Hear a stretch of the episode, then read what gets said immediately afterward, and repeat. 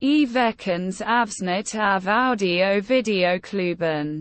Vad tycker du om Christian Bale i den här filmen? Så fort han är i Batman-dräkten, då är han Batman. Batman är så kåt. Det är eh, för övrigt min eh, favoritdel i de här Batman-filmerna med Batman. Men Heath Ledger, han var ju påtänkt eh, för rollen som Ska vi Batman. inte pra- prata om Jared Leto istället? Jag har aldrig förstått varför Ledger anses vara en bra skådis.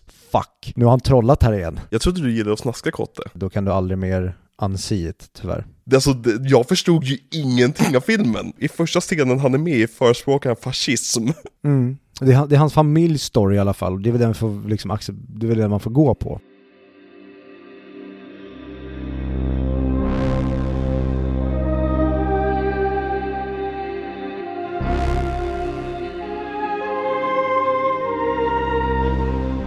Har du sett att Andy Muschietti ryktas kommer få jobbet eh, som regissör av Batman Brave and the Bold?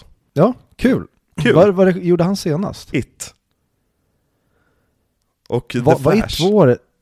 Har han gjort The Flash? Ja. Okej. Mm. Ehm, ja men det blir väl spännande att se The Flash då innan man uttalar sig om det. För baserat på It, sure. Men var det inte du It som hatade It? Nej, It 2 hatade jag. Okej. ja. It 1 tyckte jag var men bra, För 3 av It 5. 2 är den filmen han fick eh, fria tyglar med. It, Ja. 1, It 1 gick ju så bra så de bara, äh, men gör vad du vill Andy. Mm, det var ju hans eh, Wonder Woman 2. Lite grann, åh, jag glömmer ibland bort att den filmen faktiskt kom. Mm, jag skulle nästan vilja se om den, för det, du sa, du hade sett den och så sa Ja. du bara se den, det är ett clusterfuck. Ja. Jag såg den, det var ett clusterfuck, Ja. men på en nivå som jag inte hade räknat med. Nej alltså det är, det, den hade så mycket potential. Och så bara sjabblar den bort den på så här 90-tals superhjältefilms maner. Ja, den... Eh, det blev inget bra. Det blev inget bra. Men vet du vad som skulle kunna bli bra? Nej vadå? En uppföljare till eh, The Thing. Jag är väldigt skeptisk men eh, väldigt eh, nyfiken på hur det skulle kunna bli. Jag står i precis samma ringhörna, men när... När det då... När, om det skulle, alltså, om det blir John Carpenter då och han får verkligen, han kanske har en idé, så här, "Ja, men det här Mm. var del två. Gör din grej. Men Ja. de skulle ju kunna tappa det helt om han skulle få för sig att nej men jag är lat, jag vill ha lite CGI, då kan vi slänga ut genom fönstret direkt. Han har ju nyss regisserat en tv-serie, första Mhm. gången på flera år, och som han tydligen regisserade från sin soffa. Vilket är väldigt alltså, tydligt, alltså, han är ju väldigt mycket fuck it, jag sitter- in och spelar tv-spel hela dagarna läge i sitt liv just nu. Så jag vet inte, alltså jag är väldigt taggad på sagt mer Carpenter, det alltid, kommer alltid vara kul. Men jag är osäker, kan inte han vara med och vara typ producent till en väldigt ung lovande Robert Eggers, eh, filmskapare, eh, som skulle kunna få göra en, en The Thing? Tänk om Robert Eggers fastnar i någon slags, nu efter Nosferatu, att han blir en, han ska göra remakes på väldigt bra skräckfilmer. Varför inte? Fan, låt, låt, varför, kom, varför gör ingen Dracula? Senaste gången vi fick en seriös Dracula-film, det var ju Bram Stokers Dracula från 92, 93? Dracula Untold. Nej, Eller vad heter den? Han, ja, nej, Dracula Drac- Untold, Ja, den heter precis. det. Som skulle börja de, deras Cinematic Universe, och så var- ingen som såg det bara, äh, nej det här, det här ska inte alls börja, Mumien kommer börja universumet. Och sen så, Också ett clusterfuck. också clusterfuck, ett clusterfuck som eh, kan tacka den här filmen för sitt clusterfuckande, delvis. Filmen som förstörde filmvärlden. Jag ska säga att eh, delvis, det, det finns två, två punches av det som förstörde filmvärlden. Den ena har vi redan pratat om, den heter Iron Man, släpptes 2008. Eh, och den andra filmen eh, släpptes också 2008 och eh, är den vi ska prata om idag. Mm. Batman Begins Again. Exakt, så skulle man kunna döpa dem till med tanke på hur Warner Brothers döper de här filmerna. Eh, men innan vi säger vad titeln är och allt sånt här ska jag bara hälsa alla välkomna tillbaka till Audio Videoklubben. Audio videoklubben är en väldigt bra podcast. Så. Vad var det där för något? Vad det var, Ja, så frågade du förra veckan också. ja. Det där var Knights of Sidonia med Muse. Ah, ah okej, okej, ah, I can hear it now. Okej, varför just Night? Ah, Night, okej, ja, ja, jag fattar. Mm. Ja. Eh, duktigt Viktor. Ni, ni, ni som tyckte att Viktor gjorde ett bra jobb från sig nu när han sjöng, skicka gärna fanmail till vår eh, mail. In, vad, vad, vad är vår mail, Viktor? Audiovideoklubben gmail.com. Ja men kolla. Vad har vi för Twitter-handle? Det vet inte jag. Jag tror det är Audio Video Club. Ja, det låter bekant. Men sidan har vi typ bara en tapper själ som följer oss på det kontot. Mm. Twitter eh, känns dött för oss. Twitter känns väldigt dött för oss. Eh, men eh, Instagram, eh, tack så jättemycket för att ni likar våra inlägg på Instagram och sprider dem och, och, och skriver till oss och kommenterar och allt sånt där. Väldigt, väldigt roligt. Vi tycker alltid om när ni ger oss frågor. Ja, men jag Typ tycker ni är eh, duktigare på, eh, på våran Patreon att skriva frågor till oss där. Ja men våra patrons är väldigt, väldigt engagerade verkar som. Det är jag väldigt glad över. Mm. Det är kul att få frågor och som. Jag har inget annat att säga. Men jag skulle vilja att du berättar eh, varför Jaha. våra Patreons är så snygga och smarta och eh, varför de bränner upp hälften av sina pengar. Varför de är det? Mm. För att de är patrons? Ja! Ja! Pattar! Ja, kolla, de, nej, nej, de är patrons Viktor, de, de, de, de, har, har de inte köpt sig friheten från att bli kallade för pattar? De har köpt sig rättigheten att bli kallade för pattar. När du säger så låter det faktiskt mycket bättre. Våra underbara patrons, Pattar? eh, ni, ni, ni är söta och ni är snälla och ni är sexiga, men ni, ni, och ni bränner upp hälften av pengarna för att it's not about the money, it's about making a message, sending a message. Mm. Eh, och sen så vill jag också tacka våra vanliga lyssnare. Klubbarna.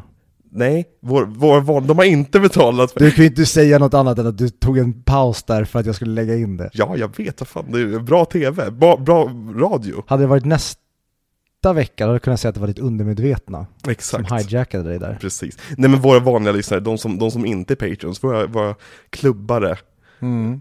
för, för någon anledning. Eh, Mm. Eh, ni, ni, ni är också fantastiska, men ni bränner upp hela pengahögen, för att ni tänker inte på framtiden. Ni tänker att meddelandet är mycket viktigare än liksom att säkra en framtid för dig och dina konstiga clownbarn. Mm. Och de vet verkligen hur billigt eh, gasoline and gunpowder verkligen är. Ja, det snack om att Joker måste ha en jobbig tid just nu. Just nu 2023 eller, Okej, men säg 2021 då istället, men med tanke på ben- bensinpriset. Ja men jag tror att han nog, skenet bedrar. Han, han säger att han bara är en- kille som gör grejer. Ja. Men jag har aldrig sett en person vara så sjukt duktig på att planera. Och planera långt fram i tiden. Så jag tror att han har verkligen spar, spar det som spar han har, det är det han lever Så efter. det är det han syftar på, han köper upp jättemycket bensin där och bara låter det ligga och sen säljer han av det när krisen kommer. Mm. Jokern är den bästa in, in, investorn. Mm. Men vi ska prata om eh, Dark Knight idag. Det är julafton. Christopher Nolans, vad blir det, femte film? Sjätte film. Mm. Hans, ja det som satte honom på en eh, stjärnhimmel kan vi säga av, av eh, mästerverksregissörer i folks ögon. Den här filmen som inte bara legitimerade Nolans karriär utan även legitimerade serietidningsfilmer som någonting som man faktiskt kunde, skulle kunna ta på allvar. Något som vi fortfarande får tampas med idag. Tack så mycket Christopher Nolan! Nästa vecka ska vi prata om, nej. Eh, Men ja, det, är- det är vad vi ska prata om idag. Ja, alltså det här som vi nämnde i slutet på förra veckans avsnitt, att det här är ju hans magnum opus idag. Det är väl den som flest är överens om är hans bästa film Mhm. och det som, ja men vad ligger den? Trea, fyra, femma på IMDB topp Mm. 100. Alltså den är så överreklamerad går ju knappt att säga, alltså den, är så hyll, unisont hyllad av Mm. alla överallt i alla tider och som du sa, eller nämnde med liksom vad den gav för eftermäle till typ superhjältefilmer men även vad, vad gjorde det med skurkroller Ja. efter det här. Vad gjorde det med Ehm. filmer överall, Mm. överlag? Och det är en film som känns så modern, samtidigt som när man kollar på den så var just det, det var så här man gjorde film för, för 15 år sedan ja. Eh, och det är också helt sjukt att den kommer, kom ut för 15 år sedan. Men det, det är någonting vi kommer ta upp senare i, i avsnittet. Det kan hända. Det kan hända, jag har gjort ett quiz till dig. Jaså? Ja, kolla vad jag är generös. Vilka kroppsdelar som det känns bäst att slå Maggie Gyllenhaal på? Nej, Nej. eh, quizet kommer handla om hur mycket åldersnoja får du på en skala 1 till 10? Jaha, så det är mer självspäkelse? Det är ett, ett tort- okej, quiz var väl lite åt dig. Det, det är en tortyrsektion jag har planerat åt dig. Waterboarding samtidigt som man blir tagen där bak? Ja, det beror på hur, hur illa det är. Vi kommer dit. Vi, vi, vi. Jag tog ju det jobbigaste och det skönaste jag vet. Så det är därför skalan. Okej. Det kan vara ett och det kan vara tio, jag kommer inte säga vilken som var vilken. Ah, okej. Jag trodde du gillade att snaska kotte. Om du fick välja mellan betagande bakgrund. Okej, bara bara för att ge kontextlistan, du måste förklara varför jag sa sådär. Det vet jag inget om. Det vet du ingenting om. Det får du berätta. Den för att, om du fick valet, Viktor, att antingen bli tagen där bak eller att suga en kuk, Mm. vad skulle du välja och varför? Obehagligt att ta det här on air. Det här blir jättemärkligt. Det här är ju min eh, öppningsfras när jag vill lära känna människor. Mm. Nej, det här är typ när jag varit på resa med kompisar så har jag ställt den här frågan när man typ åkt tåg, bara för att nu vill jag ha en eldig diskussion här. Mhm. För av någon anledning i en grupp med killar Mhm. så blir det alltid en känslig fråga när man ställer den här och det är kul. Lite som Jokern, jag, Ja. jag vill bara se vad händer när jag tänder eld på den här. Mm. Ehm, och för mig är det självklart, Mhm. båda samtidigt. Okej. En klassisk grillspett. Ja, ja. Det är det skönaste jag vet. Tack pappa. eh, men tillbaka till Dark Knight. ja, vad har du för relation till att bli grillspettad? Mm, Fredrik och Ludvig och jag i mitten. Okej, Det var där det började. Men eh, det är ett annat avsnitt. Det tar vi på nattklubben. okej. Vad Stackars alla som det här är deras första... Ja, det var det jag insåg. Jag tror jag kanske eventuellt måste ta och klippa bort Nej. allt det här. Eller lägga någon censur över, du, får, eller du får lägga någon, eh, någon halloween-musik. Ja, ja, eller Benny Hill eller någonting. någonting. det blir om ursäkt. Ja, vi ber om ursäkt. jag vet inte vad det är för mood jag är i idag, men det är ett... Grillspett, det är varmt ute, jag har precis grillat korv, Ja, det får en att tänka på grillspett. Därför kanske. exakt. Fan vad gott! Vad länge sedan det var jag åt ett ordentligt liksom, grillat grillspett, såhär svennegrillspett. Det känns som man åt det hela tiden på 90-talet. Mm. Det känns nästan som en, nu är det 6 juni Ja. imorgon när vi spelar in det här. Eh, Det känns som en grej som var typ mina föräldrars 6 juni-fester. Ja men exakt, exakt, för de var ju nazister redan då. Ja.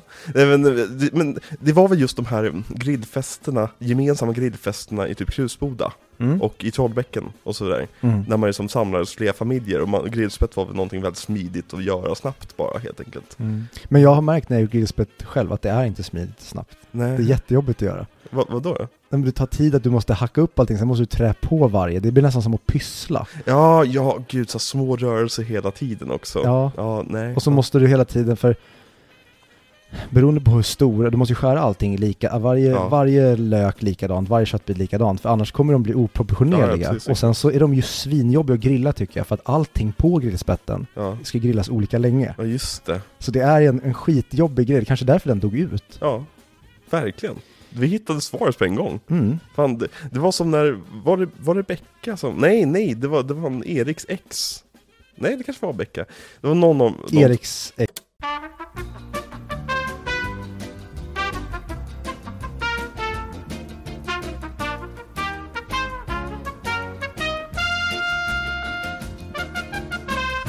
Sidetrack. Zeitgeist. Zeitgeist. Nej, om den här podcasten är Zeitgeist, då vill jag inte jag leva i tiden längre. Det är det här klassiska citatet, jag skulle aldrig vilja vara med i en klubb som vill ha sådana som mig som medlem. Nej, Eh, men Viktor, vad är din relation till The Dark Knight? just det, det var där, dit vi skulle. Exakt. Okej, nu ska vi se om jag ljuger igen här, för att jag försöker hitta, på, hitta minnen. Du såg Dark Knight 2018, bakfull. Ja, min lärare hade pratat om Ja den. men precis, Fast du och jag såg den också typ 2005. precis. Innan den kom ut. Ja. Eh, nej men i mitt huvud så var det här som jag pratade om, eh, jag tror det var förra veckan eller förra, förra veckan, det var en period där jag inte alls var filmintresserad. Mhm. Eh, sprang runt som en kåt tonåring och eh, gillade att gå på fest och jaga brudar istället. Och sen så började det pratas om att det skulle, att tydligen, ja men, jag tror att jag hade sett Batman Begins, nå någonting sånt, men jag hade liksom inte färskt. Och så pratades det om att det skulle komma en ny. Mm. Och så pratades det om hur eh, de hade, de hade kastat som Jokern, och att det var Heath Ledger och folk var antingen garvade de eller så var de jätteupprörda för att det var så dålig casting. Mhm. Men så var det sommar och eh, jag och min kompis bara bestämde oss för att men det är klart vi ska gå gå och se den på bio. Och eh, det var en... fan ska man säga? Det var, vad säger man? Eh, Det var som att göra lumpen i film. Mhm. Det var som att, jaha okej, det, det, det, det, här, det här som är peakfilm, jaha. Och det här är första peakfilmfilmen jag har sett på bio. Så jag kom ut därifrån och var helt golvad och då Mm. ville jag börja typ titta på film igen. Mm. Så det var en sån film som vände mig, eller tog mig tillbaka till filmälskande typ. Nice. Mm. Sen hängde jag aldrig på den här alltså, internet, vad säger man, eh, cancern som det blev Mm. efter liksom. Jag vet, men det jag minns var att det var så många som hade sin mobilbakgrund som var i posten eller jokern och samma sak, man hade posten hemma eller sin bakgrundsbild på datorn. Profilbild på forum. Ja, precis. Eh, och jag var aldrig med på det där, men också mycket för att jag inte hängde på så många forum. Eh, men sen så fick jag ju börja smaka på vad, som, vad det hade fött, Mm. helt enkelt. Så det är väl typ min relation till På rak arm. Sen kanske du kommer säga någonting nu som får mig att komma på någonting mer. Men jag håller mig till den storyn just nu. För jag har ett minne att du och jag såg den här på premiärdagen va? Och så var vi helt besatta. Den här filmen kom samma år som eh, Armageddon, nej. Jag tänkte nu, är det här på riktigt? nej, det är inte på riktigt. Nej men så här. Bat- Batman Begins, när jag, som jag var inne på förra veckan, den liksom blev en av mina favoritfilmer. Så den såg jag om och om igen. Och sen kom ju den här Prestige som bara knockade mig, gjorde mig typ, som, som med dig, att den bara gjorde mig filmintresserad liksom. Mm. Ehm, och inför den här filmen, det, det är här som jag börjar bli otroligt intresserad av eh, filmnyheter och filmrykten och film, alltså filmcommunity, snacka film liksom. Mm. Eh, tillsammans med hela jävla världen, för att det är med den här filmen som hela det här med snack om casting inför kommande filmer sätter igång på nätet. Det hände typ inte tidigare, självklart har det lite grann, men nu skriver ju typ Vanity Fair om så här, åh de här skådespelarna är, är påtänkta för den här rollen. Alltså det snacket fanns ju inte tidigare. Och samma sak med runtimes, och så, åh, det går rykten om att Flash 58 kommer vara eh, två timmar och 30 minuter lång. Liksom, så här, ingen brydde sig om det före den här filmen. Och, s- och liksom hypen kring den här filmen gjorde allt sånt snack commonplace. Och det, alltså, jag, det var då jag började hänga på alltså, amerikanska filmsajter och framförallt ett ställe som heter comicbookmovie.com. Som, Finns den kvar? Ja, det finns fortfarande kvar. De redesignar den typ var tredje år så att den blir helt oläslig och sen så vänjer man sig vid den och sen så gör de om det igen. Eh, det hänger fortfarande typ en av mina morgonrutinsidor. Eh, Klick, klicka upp tabben. Eh, men jag började hänga väldigt, väldigt mycket där och jag var ju verkligen med i den här konversationen och virrvarret ju, runt om den här filmen. För att alla var ju så taggade på den och taggade på vad Nolan skulle göra med Just när de annonserade att vi kommer att ha, ha Jokern Så var det så här långa eh, fancastinglistor, typ såhär, åh men jag vill ha den där karaktärsskådespelaren Jag vill ha den där karaktärsskådespelaren Jag vill att Robin Williams ska göra det, jag vill att alla personer som har ett smalt ansikte ska göra det. Eh, och- det blev, det finns ju en meme idag bland filmintresserade personer på typ Reddit att säga att där, den, där karaktär, den där skådespelaren hade varit en bra jo- joker. Att det är typ en sån här baseline praise man säger till vilken skådespelare som helst numera som har lite edge. Och allt sånt startade ju här, på liksom de här ryktesspridersajterna. Typ Eh, Barry Keegan hade varit en skitbra joker. Ja men exakt sådana, exakt den linen, eller typ, åh Håkan Phoenix hade varit en jävligt bra joker. Ja. Eh, Jared Leto? Det är kul, Jared Leto var en person man sa sånt om ju, tills han gjorde Jokern. Åh. Vi eh, kanske kan komma in någon gång under avsnittet på den monumentala våldtäkt som är eh, hans tolkning. Ja.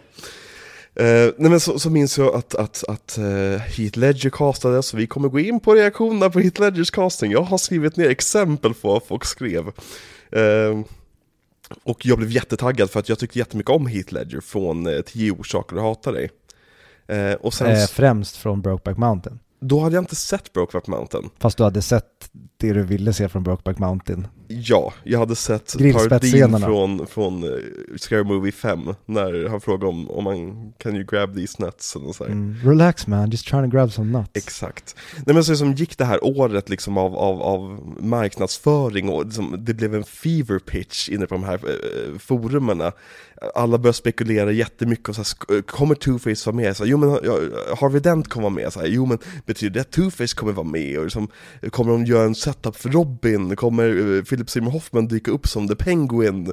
Alla de här liksom, sjuka ryktena bara som svävade runt. Och jag tror att det här kan vara den mest hypade filmen i världshistorien. I alla fall bland de jag rörde mig bland på den här tiden. Fram tills nästa film. Fram tills... Fast det vet vi inte än. Exakt, det vet vi inte än. Eh, nej men så liksom, ja, började, började det helt enkelt närma sig premiär och jag köpte biljetter. Jag och någon kompis, jag vet inte vem. Jag tror det kan varit du faktiskt. Alltså, jag ska faktiskt säga nu att jag har bara ett, ett väldigt starkt minne att, för jag vet, det var en kompis som jag umgicks med extremt mycket den sommaren. Ja, Men det kan mycket väl vara så att du och jag bara pratade om för att vi liksom hade det gemensamt. Ska vi gå och se den? Och så gjorde Nej, vi det. för att det som hände var att jag köpte två biljetter till mig och någon. Och sen så kunde inte den personen, så den personen ställde in. Så då gick jag med min mamma istället. Jaha. Men dagkvällen innan så hade det hunnit läcka på, Pirate, äh, på vårt eh, hemliga HBO-konto en eh, dålig, dålig camrip. Som jag, Så hon såg den? som, som, jag slängde mig över. Ja men det är klart som fan, jag, jag hade ju suttit som, jag, jag höll ju på att komma i byxan när jag såg att de, alltså Och problemet är att med en film som den här, som först känns rätt mörk, och sen så har rätt ryckig klippning det, alltså, det, jag förstod ju ingenting av filmen, vilket var typ det roliga. Varför det var så, jag fick se scenerna, men jag förstod inte hur saker och ting hängde ihop. Det finns en sjukt lång trailer. Ja men typ, typ. Eh, och sen så satte jag mig i biosalongen och var frälst, för jag var 17 år. Det är sån, jag var i perfekt rätt ålder, och sen så var det som The Dark Knight all the way. Eh, den sommaren, och på hösten där så åkte jag till USA ju. Eh, jag pluggade ju som utbyts, utbytesstudent där. Och när jag kom dit så fick jag ju chansen att se den i IMAX. Tjing tjong. Nej, USA. Vad sa jag? Ja, någonting jag tänker upprepa här. Jaha. Du, kall, du kallar Eh, go on. Ja. Nej men fick se den i IMAX. Och eh, det var också i samma veva som jag också såg eh, en film som heter Tropic Thunder på bio. Kom kanske samma år, Oscars nominerades på samma grund. Eh, nej. Ja. Eh, så liksom, och, och den hade ju, i typ mitten av min USA-vistelse så har han ju den kommit på, på DVD där också. Så jag köpte ju DVDn och såg den typ varje dag på det. Hon, måste, hon, hon som jag bodde hos måste blivit så jävla trött på mig. Men alltså den här filmen har jag sett, jag tror att det här är den filmen, utöver typ första Star Wars-filmerna, första tre Star Wars-filmerna, så är nog det här den filmen jag sett flest gånger i mitt liv. Jag, alltså, det måste ju vara Sagan om ringen som vi rullade det. Nej, fast jag, alltså, k- kanske, fast jag har ju den här Det teorin kanske om inte barndomen att- helhet. Det här med i barndomen att, om att man såg aldrig sakerna så ofta man tänkte, och man gjorde aldrig sakerna så ofta man tänker att man gjorde. Som Sigge Eklund säger, det sånt där med fiskpinnar. Du kommer ihåg fiskpinnarna från barndomen, eller hur? Men när man tänker efter och börjar faktiskt räkna på hur många gånger det var så var det typ 15, 15 gånger under barndomen du käkade fiskpinnar. Det är som om du sluter på hela barndomen. Ja, den håller jag inte med om. Nej men inte, inte bokstavligen, men, men generellt sett liksom att Att man överskattar saker. Ja men som det här med att vi, vi blev mindblown över att 2005, att både Batman Begins och Star Wars Episod 3 kom det året. Mm. För det året känns som vi gjorde jättemånga saker, men antagligen så var det bara tre månader kanske, eh, av X och Y och Z och så vidare. Mm. Men hur som helst, Dark Knight, jag kollade på min letterboxd, jag började min letterbox 2015. Jag såg den här filmen 2015, 2016, 2017, 2018, 2019. Och sen så har jag inte sett den sedan dess och nu såg jag om den. Mhm. Spännande. Det är en film men när jag såg den 2015, 2016, 2017, 2018, 2019 Då var det verkligen att jag försökte leta efter känslan från, från när jag såg den första gången. För att, Men jag hade sett sönder den. Ingenting kändes längre när jag såg den filmen de gångerna. Jag, jag, jag tyckte saker och ting var häftigt fortfarande, var ballt fotat och häftig struktur och grejer. Jokerns scena var alltid extra spännande att se. Men det var som att så här, Allting, allt det häftiga är så naturligt nu är Som när man har lyssnat sönder en låt. Exakt Magin är borta. Så, så jag hoppades att den känslan skulle ha försvunnit till den här visningen då, nu när det gått fyra år sedan jag såg den sist. Och hur var det med det då? Vad tror du att jag tycker om den här filmen? Jag, jag, jag, jag, jag vet inte, men jag, jag skulle betta mina pengar på att magin kanske inte var tillbaka, men det hade gått så lång tid att du hade a blast med den och bara såg det, den för exakt vad det är. Jag tycker att den här filmen är sämre än någonsin. Oj! I, och, eh, fet jävla brasklapp, jag älskar den här filmen fortfarande. Den är fortfarande uppe bland filmerna och, och tävlar så att säga, Mm. liksom om, om mest affektionsvärde för mig. Men den här gången började jag lägga mig... Det var som att jag fick det sämsta av två världar, att jag fick typ hypen inför att åh, jag ska se om Dark Knight. Och så var jag fortfarande kvar i det här modet att den känns inte längre för mig. Men nu kan jag, men helt plötsligt blev det som att det, det vändes till en nästan aggression mot filmen. Att jag började störa mig på saker som jag hade liksom, i, låtit passera tidigare på grund av att man var så frälst. Liksom. Eh, och det kommer jag gå in på senare i avsnittet, men, men eh, kortfattat så var det här lite av en besvikelse. Det här kan vara en av Nolans sämre filmer, men jag älskar den fortfarande. Ja, jag, jag hör vad du säger. Ehm, Vad, vad, vad tycker du kortfattat? ehm, nej,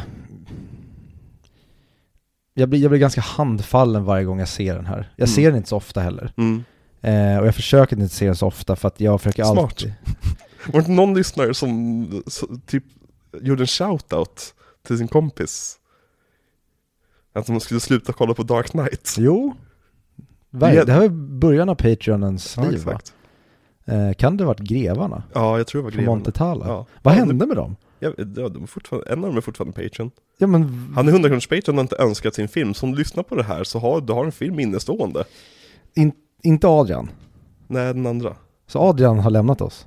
Ja men jag tror, det, det gick så snabbt, eh, det blev, jag, nej det, jag ska inte gå in här, Svara bara ja eller nej. Han har lämnat oss. Ja, Ja. Mm.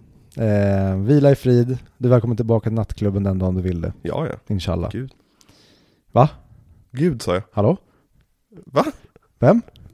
Vadå? När? När? Det skulle jag aldrig säga. Jaha, Eh, Vart var någonstans? Nej men jag, jag, ja, jag ja, ja, du är eh, handfallen.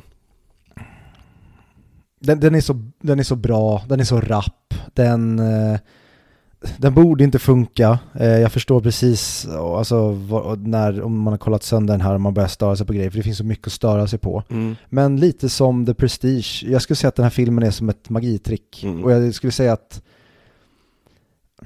ju mer nu när vi kommer in i Nolans filmografi skulle jag säga att mycket av hans, många av hans filmer är lite magitrick. För att jag förstår verkligen de som kritiserar Nolan när man börjar kanske tänka noggrannare på dem, Mm. kanske syna dem noggrannare, men Prestige är ju den brasklappen som gör att, men det spelar ingen roll. Mm. För att han vet ju om det här. Och det är det som är poängen. Det är att han ska ju sitta hela tiden och knäppa med vänsterhanden så att inte du tänker på högerhanden. Precis. Och det är precis det han gör med den här också. Det är Exakt. förmodligen det han gör nästa vecka och veckan efter det. Men sen när du börjar tänka på grejerna, då kanske saker inte håller ihop så bra. Ja, men det, jag har ju Men- sett det så många gånger så att jag Vänta. ser vänster... Mm. Men när man liksom ser den här och har sett den för mycket, Mm. då blir det inte längre att man kan titta på vänsterhanden, för Nej. det men jag vet ju vad du gör med vänsterhanden. Då börjar man titta, titta på högerhanden och då finns det grejer där som man kan störa sig på eller kanske eventuellt klaga på. Och så jag Mm. förstår precis det. Men den gör absolut inte det på mig på 0% för jag tycker att den här är en av de ma- mest magiska filmerna som har gjorts. Att den är Ja, men den, den är verkligen så bra som alla hela tiden pratar om att den är och jag köper aldrig det typ när det har gått lite tid och sen Mm. ser jag den och så tycker jag det igen och den blir så bra var den här gången också. Mm. Men jag skulle säga att filmens största styrka är också filmens största svaghet. Den faller på sitt stora grepp ibland. I, och styrkan är just det här som säger ursinneslösa tempot. Mm. Att den bara går vidare och vidare, vidare, vidare, ny scen, ny scen, ny, ny scen.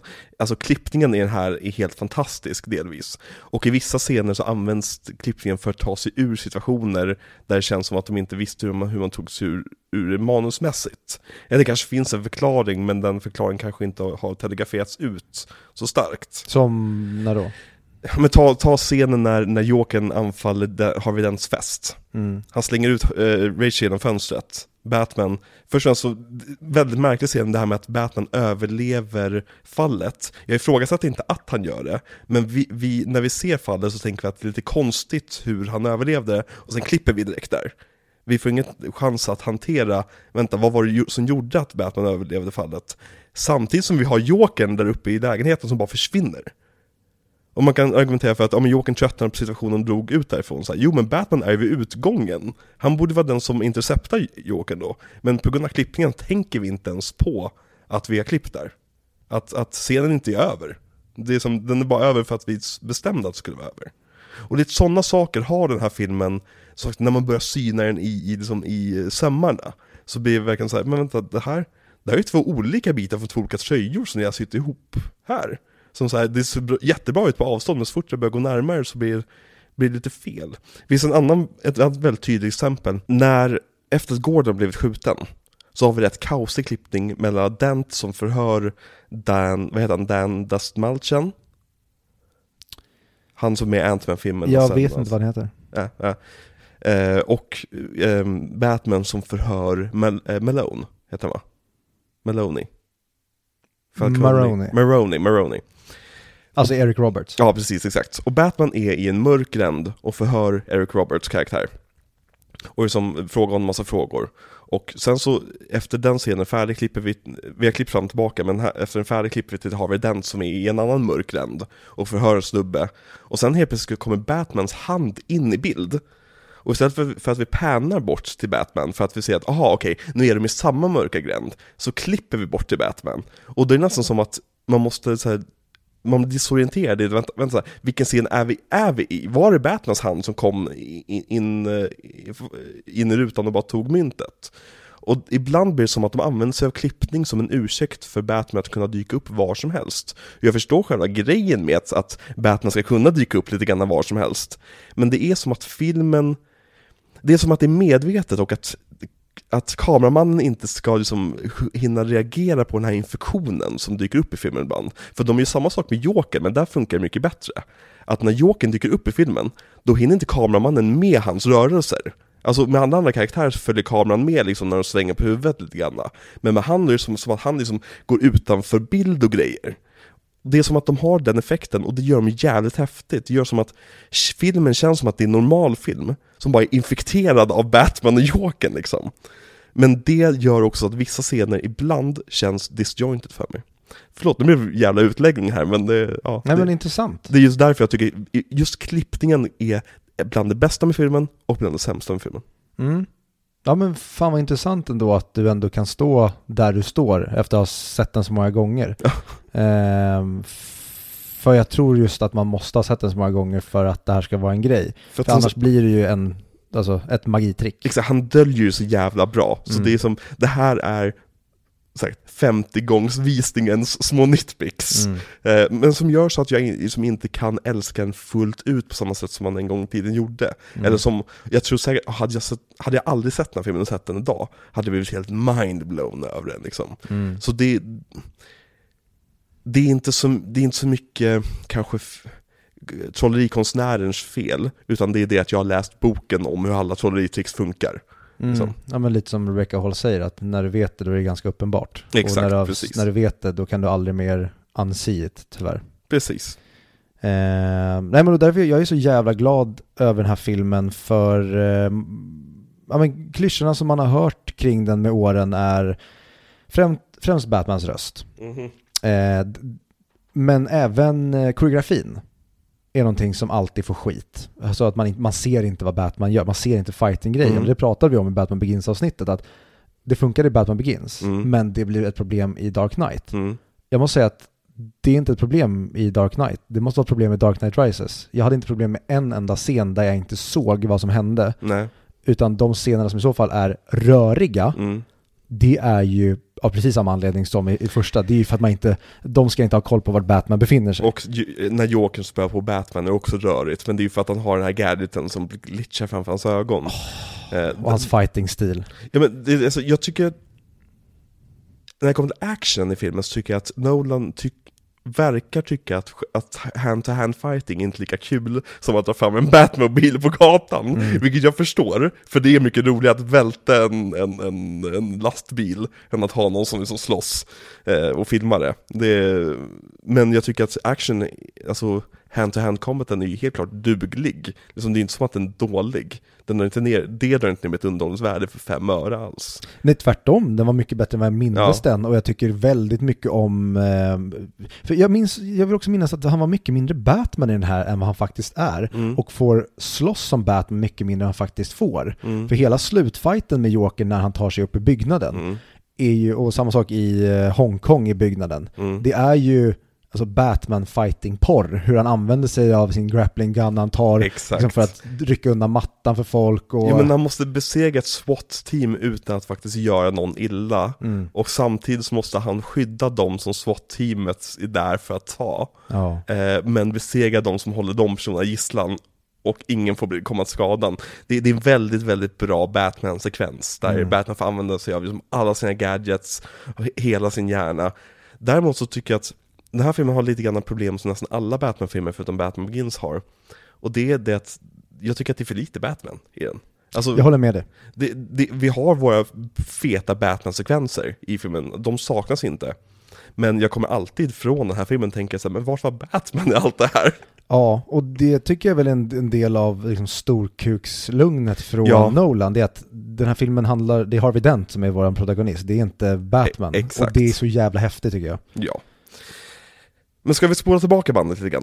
Då spolar jag tillbaka bandet lite grann. Och prata om The Prestige. Den har jag sett. Mm, du, du har sett den? Ja, framförallt jag älskar prestigefilm. Ja, ja men det- det här är ju en prestigefilm om något. Ja, det, det skulle jag också bara vilja lägga till. Mm. Att nu när jag såg den Mm. så kändes det så mycket som att Nolan gjorde det prestige och bara Ah! Såna här, några av de här greppen kan jag använda mig av i nästa Batman-rulle. Mm. Och jag älskar hur mycket man känner att den här filmen känns mycket mer som ett mag- alltså att den, de använder magitrick hela tiden. Exakt. Och att det blir, ja men nästan hur han kom på Jokerns grej. Mm. Att ingen ska typ veta hur han har gjort det. Det är bara hela tiden att, oj, här står det någons namn på en bricka. Fuck, nu har han trollat här igen. Och så Mm. Exakt. trollar han och trollar han och trollar han. Och så är det bara ehm, Bruce, han är Angier som försöker jaga, Mm. mm. Heter det, Fallon tänkte jag säga, eh, Borden. Mm. Men han får aldrig tag i honom, han bara trollar och trollar och trollar. Jag kan säga att jag har också sett nästa veckas film, och även där utvecklar han ju det konceptet, så att säga. Ja. Ja. Hur, hur som helst, Nolan, han gjorde ju The Prestige, Mm. som faktiskt blev en, eh, alltså inte en super smash-succé, men eh, de fick pengarna tillbaka och den blev väldigt hyllad liksom, av kritikerna och... Liksom, Oscarsrulle. Ja men Oscarsrulle och folk, framför allt var det så här att all, felen som folk såg på filmen var liksom att så här, men det Nolan gjorde var det bra med filmen liksom. Mm. Eh, manuset var, var stadigt och det var ett kul manus och det var bra regisserad och allt sånt där. Så, och Batman Begins blev ju en megasuccé. Eh, så att Warner Brothers ville att Nolan skulle göra en uppföljare till eh, Batman Begins var ju rätt självklart. Men det tyckte inte Nolan. Och det tyckte inte heller Christian Bale, som gick ut i pressen och sa att, liksom att jag kommer bara komma tillbaka om Nolan kommer tillbaka. Vilket jag förstår. Jag fattar mardrömmen att du skriver under på att göra Batman Begins med Christopher Nolan och så skriver du under för att göra en uppföljare, så säger Nolan upp sig så kommer typ Brad Ratner in. Ja, det, det är ju mardrömmen. Det finns exempel på sånt. Eh, nu kommer jag inte på ett på rak arm, Mm. men där man har signat upp på en franchise. Ja men det, det var ju just det jag tror, X-Men 3. Eh, Sa du det? eh, Brian Singer skulle komma, egentligen eh, gjort färdigt X-Men 3, men han fick ju rollen eh, att regissera Superman Returns. Mm. Så hoppade han av den filmen och Brad Ratner kom in och gjorde färdigt Superman 3. Mhm. Nej men det, det är nog Ja. det. Alltså, jag tycker så synd om skådespelare om de skulle behöva hamna i den situationen. Mm. Och framför, alltså, framför allt när det kommer till Nolan i, vid det här laget i hans karriär. Alltså Aaron Eckhart skriver på Mm. att han vill spela Harvey Dent utan att ens ha läst manuset för att han, han vill, alltså alla, alla vill ju bara jobba med honom. Alla vill ju bara Exakt. med Nolan-filmer. Ja. Och jag kom på typexemplet. Eh, det här är lite annorlunda. Eh, Bill Murray signade på att göra Garfield-filmen på Ja. grund av att han trodde att det var Coen-bröderna som gjorde det. När det bara var manusfattigt som hette Coen efternamn. Eh, Bill Murray äger. Ja, fast blev inte han cancelled förra året? Får, vi, får, får, man säga att Bill Murray äger? Blev han verkligen? Ja, han, han, han det, det var någonting som faktiskt lite så här, oj, det var lite grovt. Och sen så typ sveptes un- under mattan för alla älskar Bill Murray. Mm. Åh, om inte han nu är cancer. Ja. I community-filmen, det var väldigt kul om de typ castade Bill Murray som Pierce och gör ett roligt Åh. gag på det. Sånt där tycker jag om. Det hade varit skitroligt. Och det är just en serie, där, eller en film då, som man skulle kunna göra det i. Han hade passat väldigt bra i community överlag. Mm. Eh, men ja, just att på grund av deras relation sen tidigare och allt sånt där, ja. Eh, men Warner Brothers i alla fall, de lyckades ju få in Nolan i alla fall. Antagligen med hjälp av en stor säck pengar och en eh, blank check där det stod Inception på. Vet jag inte vad det är för någonting. Nej. Men eh, Christopher, Nolan, för- Christopher Nolan eh, började jobba igen med David S. Goyer som hjälpte honom att skriva manuset på första filmen. Och Goyer hade redan två varianter på en uppföljare. En variant skulle handla om eh, Jokern och en variant som skulle handla om Two-Face. För det var två skurkar han tänkte att de hade inte gjort så bra när de var på vita duken. Vad menar du? Visst, Jack Nicholsons variant, den, den, den är liksom hyllad och den, den är ikonisk, men han tyckte sig inte se liksom min Jokern, som han uttryckte, i den Jokern, så han ville verkligen ha en ny Joker-film. Nej, jag tycker nu, nu har jag sett, alltså Animated Series var så länge sedan, men nu har vi sett Mask of the Phantasm Mm. nyligen där Joker ändå är med. Och, och när jag sett nu nyligen bara kollat lite scener med Nicholsons Batman, eller med Nicholsons Joker Mm. i Batman.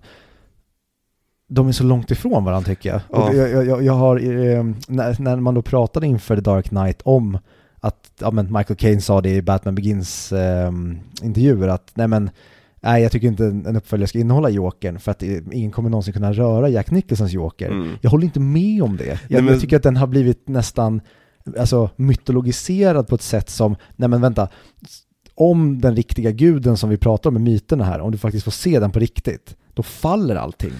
Men han, han var ju populär så länge just för att han var den enda, och han gjorde någonting ikoniskt liksom. Men det har ju, det har ju väldigt lite med Jokern att göra. Jag tycker, jag tycker vi inte ser någon, särskilt mycket av karaktären Jokern i den karaktären. Typ Jack Nicholson som larvar sig. Ja men precis, vilket är väldigt kul att se. Och han fick en jävligt fet paycheck på grund av, av det. Eh, men men eh, Christopher Nolan och Goyer, de började jobba fram en story då där Jokern just skulle vara den här nästan en övernaturlig naturkraft. Så det är en, en, en kraft som bara sveper över staden och bara skapar kaoset. Och de ville undvika att genom en origin story, även fast jag skulle säga att den här filmen är Jokerns origin story. Jag säger som att han har precis tagit på sig sminket. Ja, förutom att först... Han gjorde Att vi inte fick någon mer Jokern. Ja, eller för nio månader sedan i den här världen, så det var ju då kortet dök upp. Så att han har hållit på ett tag, eh, vilket jag tycker är märkligt. Eh, jag, jag, det, det är ingen, ingenting i den här filmen som påstår att det är nio månader väl, eller säger de det att det har gått nio månader? Ja, jag för mig det. Att, att saker är bättre än någonsin eller på väg att städas upp.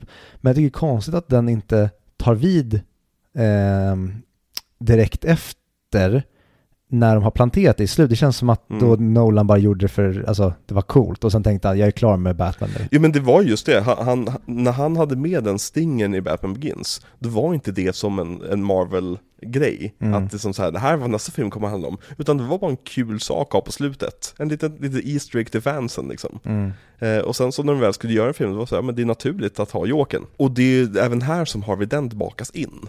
För de insåg att liksom att ja, vi kan göra en film med bara Jokern, men det skulle vara intressant att göra en film som handlar om hur Jokern skapade Two-Face. Ja, och det känns konstigt om de skulle göra film nummer två med en skurk Ja, när film nummer ett har haft flera skurkar, alltså att han slåss på flera fronter samtidigt. Han har både Scarecrow, han får Ras Al Ghul, han, det är även, ehm, vad heter det, Ehm, nu är det på ett, ett annat hörn, men ehm, Rutger Hauer, Mm. ehm, att det liksom är, det, det, det blir, det blir Rachel Dawes, Ja, exakt. Uff, som han får slåss mot henne. Eller framförallt, han dödar ju hennes kille. exakt. Så att han ska vara den enda snubben i stan. Eh, men för det var det jag gillade så mycket med Batman Begins också. Det var att det, det inte bara var han versus Scarecrow. Det var inte den här, en skurk dyker upp i början. Nej. Du bråkar mot skurken genom hela filmen. Du besegrar skurken i slutet som det blir i väldigt många superhjältefilmer. Utan ja men Scarecrow är bara en henchman, alltså och sen har du den stora skurken som aldrig finns, utan han dyker upp på slutet och har bara visat sig vara The Puppet Master. Så det varit konstigt om de hade gjort så i uppföljaren, att de bara hade gjort Batman vs. Jokern och det hade varit it. Mm. Men, men sidan, om man ska göra det med någon skurk så är det Jokern. Ja. Som kan fylla upp en hel film själv liksom. Ja, men då hade jag kunnat köpa det om Nolan inte vill komma tillbaka. Det, det känns nästan för, för platt för att vara Nolan, Mm. för enkelt. Att det var nästan som att han sa, nej men släng in alla samtidigt och så vill jag Mm. liksom koka en cocktail på det här. För att ge en och en, nej då är jag inte intresserad. Mm. Nej, men för, för Nolan, han började jobba på manuset tillsammans med Jonathan Nolan, sin brorsa då. Jonte. Exakt, Jonte. Och Jonte och Chris, eh, Chris, och, Chris och Jonte. Krille. Krille och Jonte, eh, de, de, hade upp en, de hade sett en film som heter Heat. Har, har du hört talas om den någon gång? Är det han den här röda som spelas av David Harbour i någon ny remake? Ja, det är Hellboy. Jaha, Ja, det var, det var värme så jag tänkte att det kunde vara det. Heat, det är med Skrik Pacino och eh, Robert DiTrotto. Ah, av Leslie Manns pappa? Ja, precis, exakt. Leslie Manville. Mm. Manville, vem är det? Les, he- heter hon Vad heter hon- Vänta, heter pigan, eller säga, ehm, systern i ehm, Phantom Thread? Ja, exakt. heter hon Les... Ja, ja, skitsamma. För Leslie Mann är ju Ursula. Ja, precis, men det vore exakt. sjukt om... Nej, hon måste ha ett annat förnamn. Eh. Heter hon Leslie Manville? Så Jag vet inte. Som också är syskon till Michael Mann. Ja, vi säger så för att knyta ihop säcken. Vi var på hit. Nej men de- de bestämde sig för att vi tar den här grundidén som vi har, som vi skrev tillsammans med David S. Goyer. Mm. Men så gör vi en helt jävla normal polisfilm och bara slår ihop de här två idéerna. Vi vill ha en film som handlar om staden Gotham. Eh, vi vill ha en film som handlar om stadens själ. Och man gjorde det här med att Harvey Dent skulle vara just den inofficiella huvudkaraktären. Mm. Eh, jag tycker det är väldigt kul. Den här gången, det reagerade jag också på den här gången jag såg den. Hur alla beskriver Harvey Dent som den godaste, snällaste personen. När han i första scenen han är med i förespråkar han fascism. det, är, det, är, det är väldigt roligt. Och det är det ögonblicket som får Batman bara, han ska jag ha. Mm. Han vill vara Caesar. Han löser ju alla hans problem. Batman är så kåt på Rachel, att han vill sluta vara Batman. Och han hittar en utväg genom att lägga he- makten i händerna på fascister. Hade jag också gjort. Ja. Inte för Maggie Gyllenhaal, men kanske för typ Katie Holmes. Ja. Nej men, men så kommer vi fram till hela manuset, eh, ja, vad filmen vi ser liksom. Eh, Den här polisdramat, för det var ju också en, en av de här hyllningssakerna när filmen släpptes, att folk var så överväldigande över att det, vilken normal film det här var. Mm. Eh, Att det inte var just så superhjältigt. Och det är just på grund av den här processen de håller på med under den här tiden av produktionen. Att de försökte verkligen göra den så normal som möjligt. Eh, Mm. Och det skulle jag säga är det bästa med hela filmen. Det är att det här, och du, du pratade, du sa att vi skulle komma in på när vi pratade Batman Mm. Begins, att nej men det här är ingen Batman-film. Exakt. Eh, men jag tycker att det är en bättre film än Batman Begins.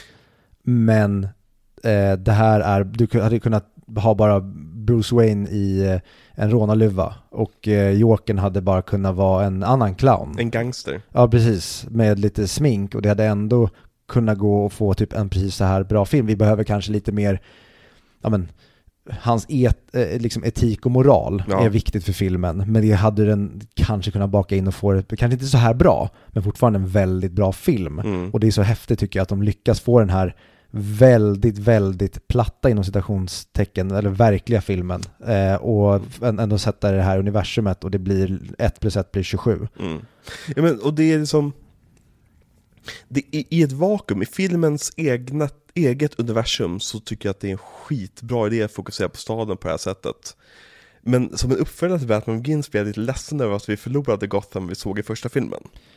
Det är en av mina två, liksom, min, en av två kritik, krit, kritiker jag har. Men för att jag försöker se de här tre filmerna med lite grann så här, med 15 års mellanrum, alltså, vad, alltså med kontexten i efterhand. Och jag minns, när den här filmen var slut, minns jag, om, minns jag hur taggad jag var på att se uppföljaren till den. Se det här universumet som de nu har byggt upp och som alla saker man skulle kunna göra med det. Och när vi, när vi fick slutet vi fick på det här universumet, då känns inte de sakerna som jag var så exalterad för i både den här och i Batman Begins, de känns inte lika mycket längre för att jag vet vart det hamnade. Eh, och det, det, det är jag typ ledsen över för att till exempel, ta sista scenen i den här filmen, när Gordon liksom får ha sin monolog om Batman och så åker han iväg på motorcykeln. Mm. Tänker man, fy fan vad häftigt, fy fan vilket bra slut, och nu kommer de jaga Batman så här. Nej nej nej, han, han, kommer, han kommer ha knäproblem i 15 år. Aha, okej. Han kommer sitta och runka och få skägg. Ja men precis, exakt, det, det var där Bat- Batman slutade. Aha. Ja, men, men jag, jag ser ju det, och det kommer vi prata mer om i, den, Ja. i trean. Ja, vi kommer prata mycket om det då. Men jag ser ju det här som en filmduo. Och alltså, Ja. jag vill inte...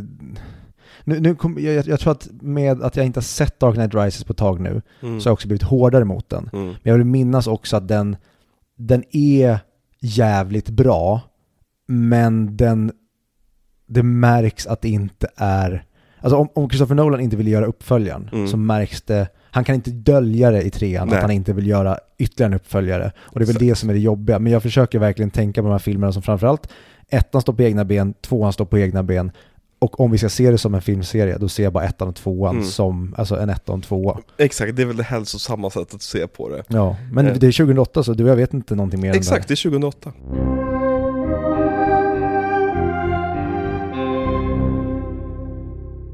Ska vi ta direkten när den dök upp eller ska vi ta den sen?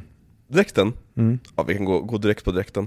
Vad tycker du om dräkten? Jag tycker inte om den här dräkten. Inte heller. Eh, jag tycker, jag, sa, jag gillar inte det här med hjälmgrejen på honom. Eh, alltså jag tycker att den är häftig som en dräkt. Mm. Alltså det, det är ingen ful dräkt, den är inte dåligt designad. Men när vi precis sett Batman Begins, Mm. så är det verkligen som att, och du får också se, börja filmen med att se den snygga dräkten. Ja, Och sen går det över till den här över, den typ överdesignad på ett sätt, och det känns inte som någonting som han skulle ha. nej, den blir för, alltså om de verkligen fick till den perfekta balansen mellan superhjälten och eh, militären i Mm. första, då är det som att de går fully retard på militärgrejen här och det, jag tycker inte om det. Framförallt, det, det är alldeles för mycket, eh, vad säger man, det är för mycket skåror. Mm. Den, den, det blir nästan, eh, inte, nu är inte trypofobi rätt ord, men det blir som att det, mitt öga gillar inte att kolla på det här. Nej. Och framförallt som du säger, när vi får börja filmen med den först, förra dräkten som är fucking gorgeous, då tycker jag att det hade varit coolt om de bara design, alltså lös nacken på något lite mm, coolt sätt då. That's it. Ni behöver inte göra om det till en, ja men verkligen en armor, en super armor som Mm. det blir. Men det jag tycker om med dräkten dock, det är det att vi får se honom se problem med sin nuvarande dräkt, gå till sin dräktdesigner med problemet, och sen får vi se att aha, det är därför du har nya dräkten. Mm.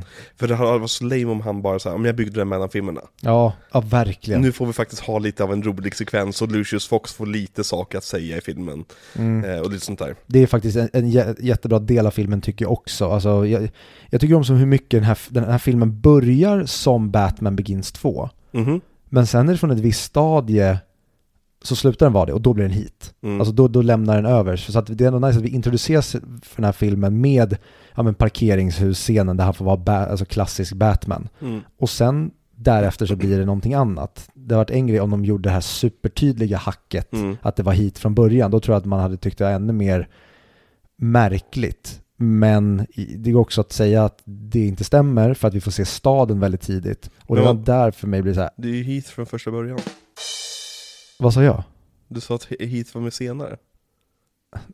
Det har jag glömt. Ja. Jag älskar för övrigt när Michael Scott, eh, jag minns inte exakt vad han säger.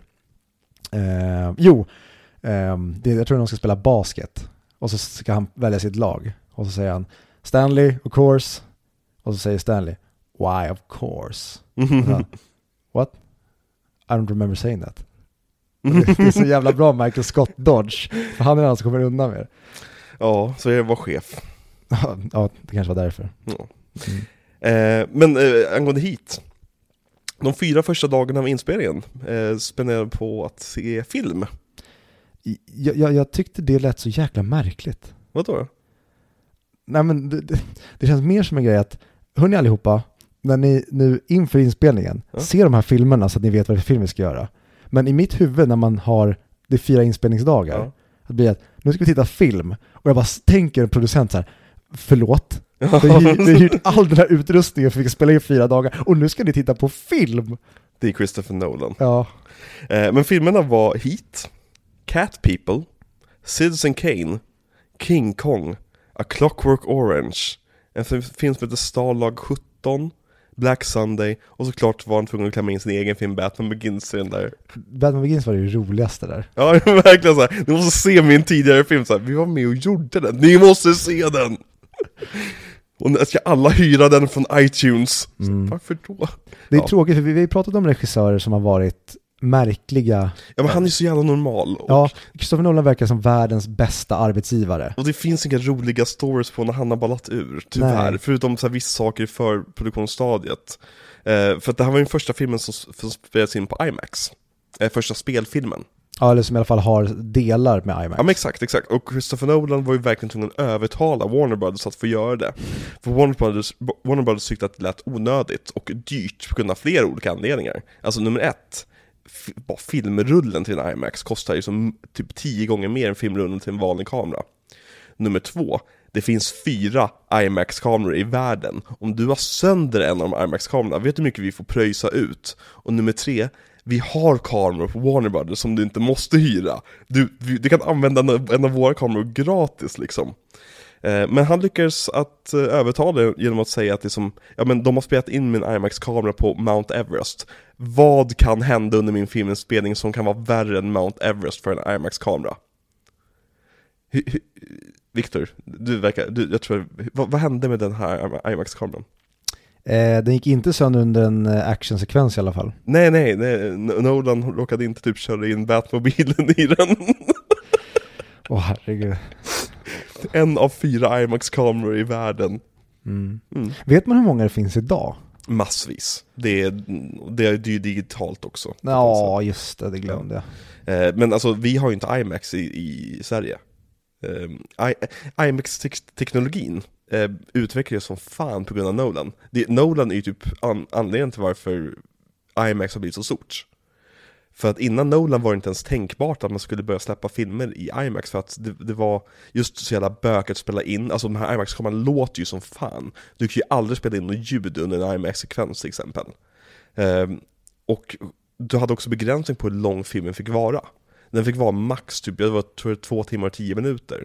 Så när eh, Star Episode Episod 2 skulle släppas i IMAX-biografer på bio när den kom, så klippte de bort 20 minuter av filmen.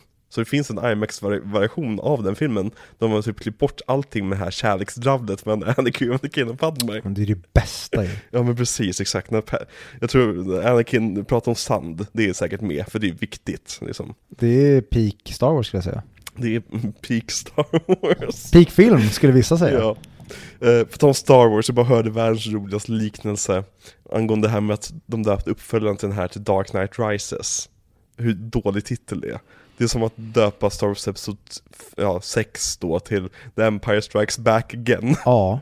För det är verkligen så här, åh den här filmen blir bra, då, då gör vi vår sequel-titel på den titeln istället. Jag vet ingenting om den, så att jag kommer inte kommentera på det där. Jag har bara hört rykten om att det kanske kommer en uppföljare till den här filmen. Men det får vi se. Kolla Ben Affleck för övrigt. Han är så jävla lik honom. Ja, Matt Damon var ju erbjuden rollen som Harvey Dent.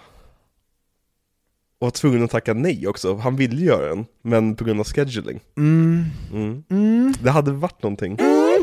Eh, en annan som också var påtänkt som jag nästan, Ja. det är verkligen den, jag tror Josh Hartnett. exakt. Eh, Hugh Jackman.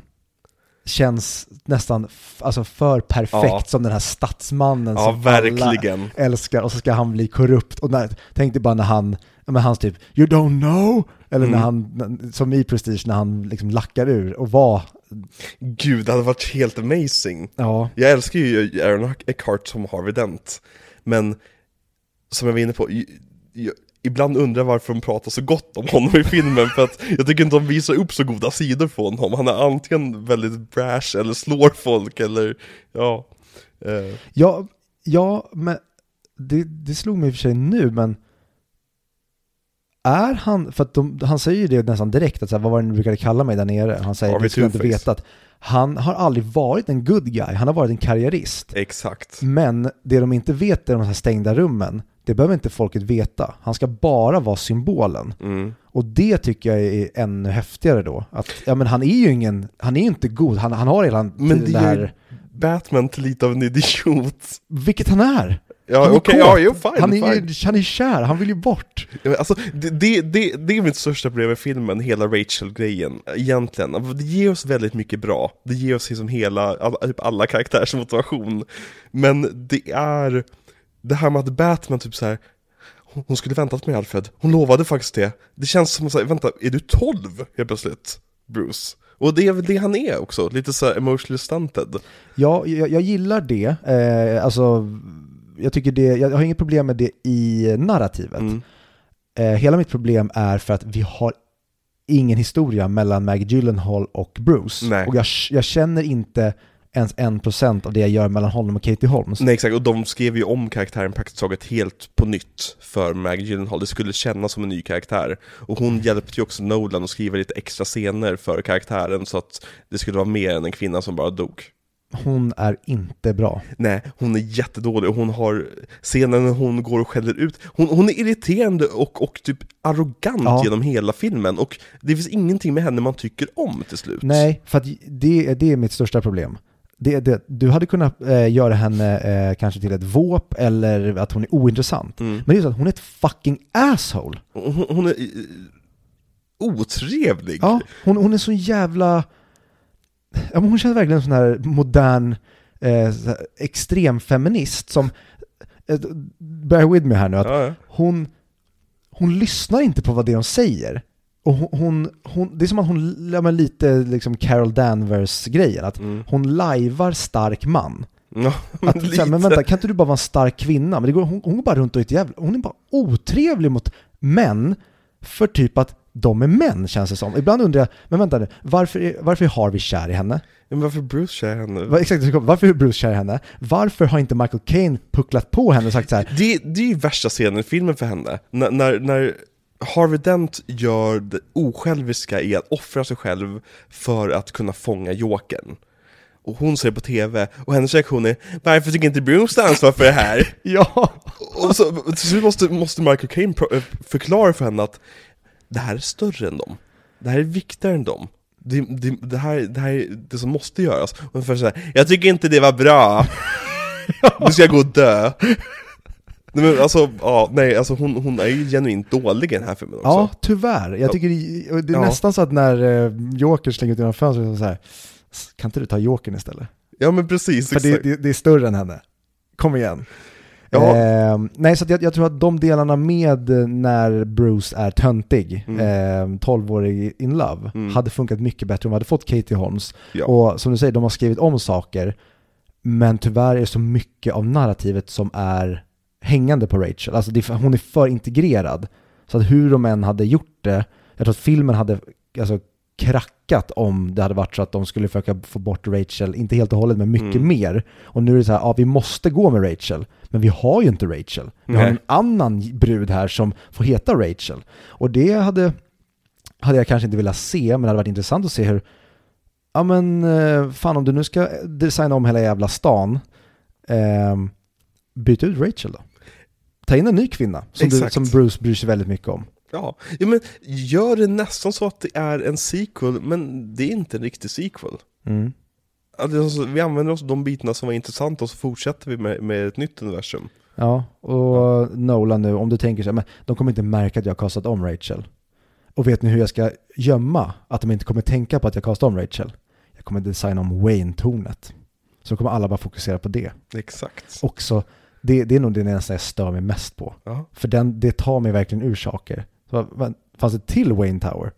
Nej, de har bara valt att designa om det. ja, en fulare design också. Jo, men jag förstår att han vill göra det mer verkligt, att det ska Ja. bara vara en klassisk vanlig sky, alltså skyskrapa. Ja, men det är så fult. Men gör istället Wayne Tower bara till då att, ställ den bara där. Mm. Alltså, du behöver en bild på den. Sen kan vi aldrig mer gå dit igen. Mm. Vi kan bara fatta att han är i Wayne Tower. Ja men det är ju verkligen att han, de är ju inte i samma stad längre, utan de, de var ju, det var ju väldigt typiskt Chicago i förra staden.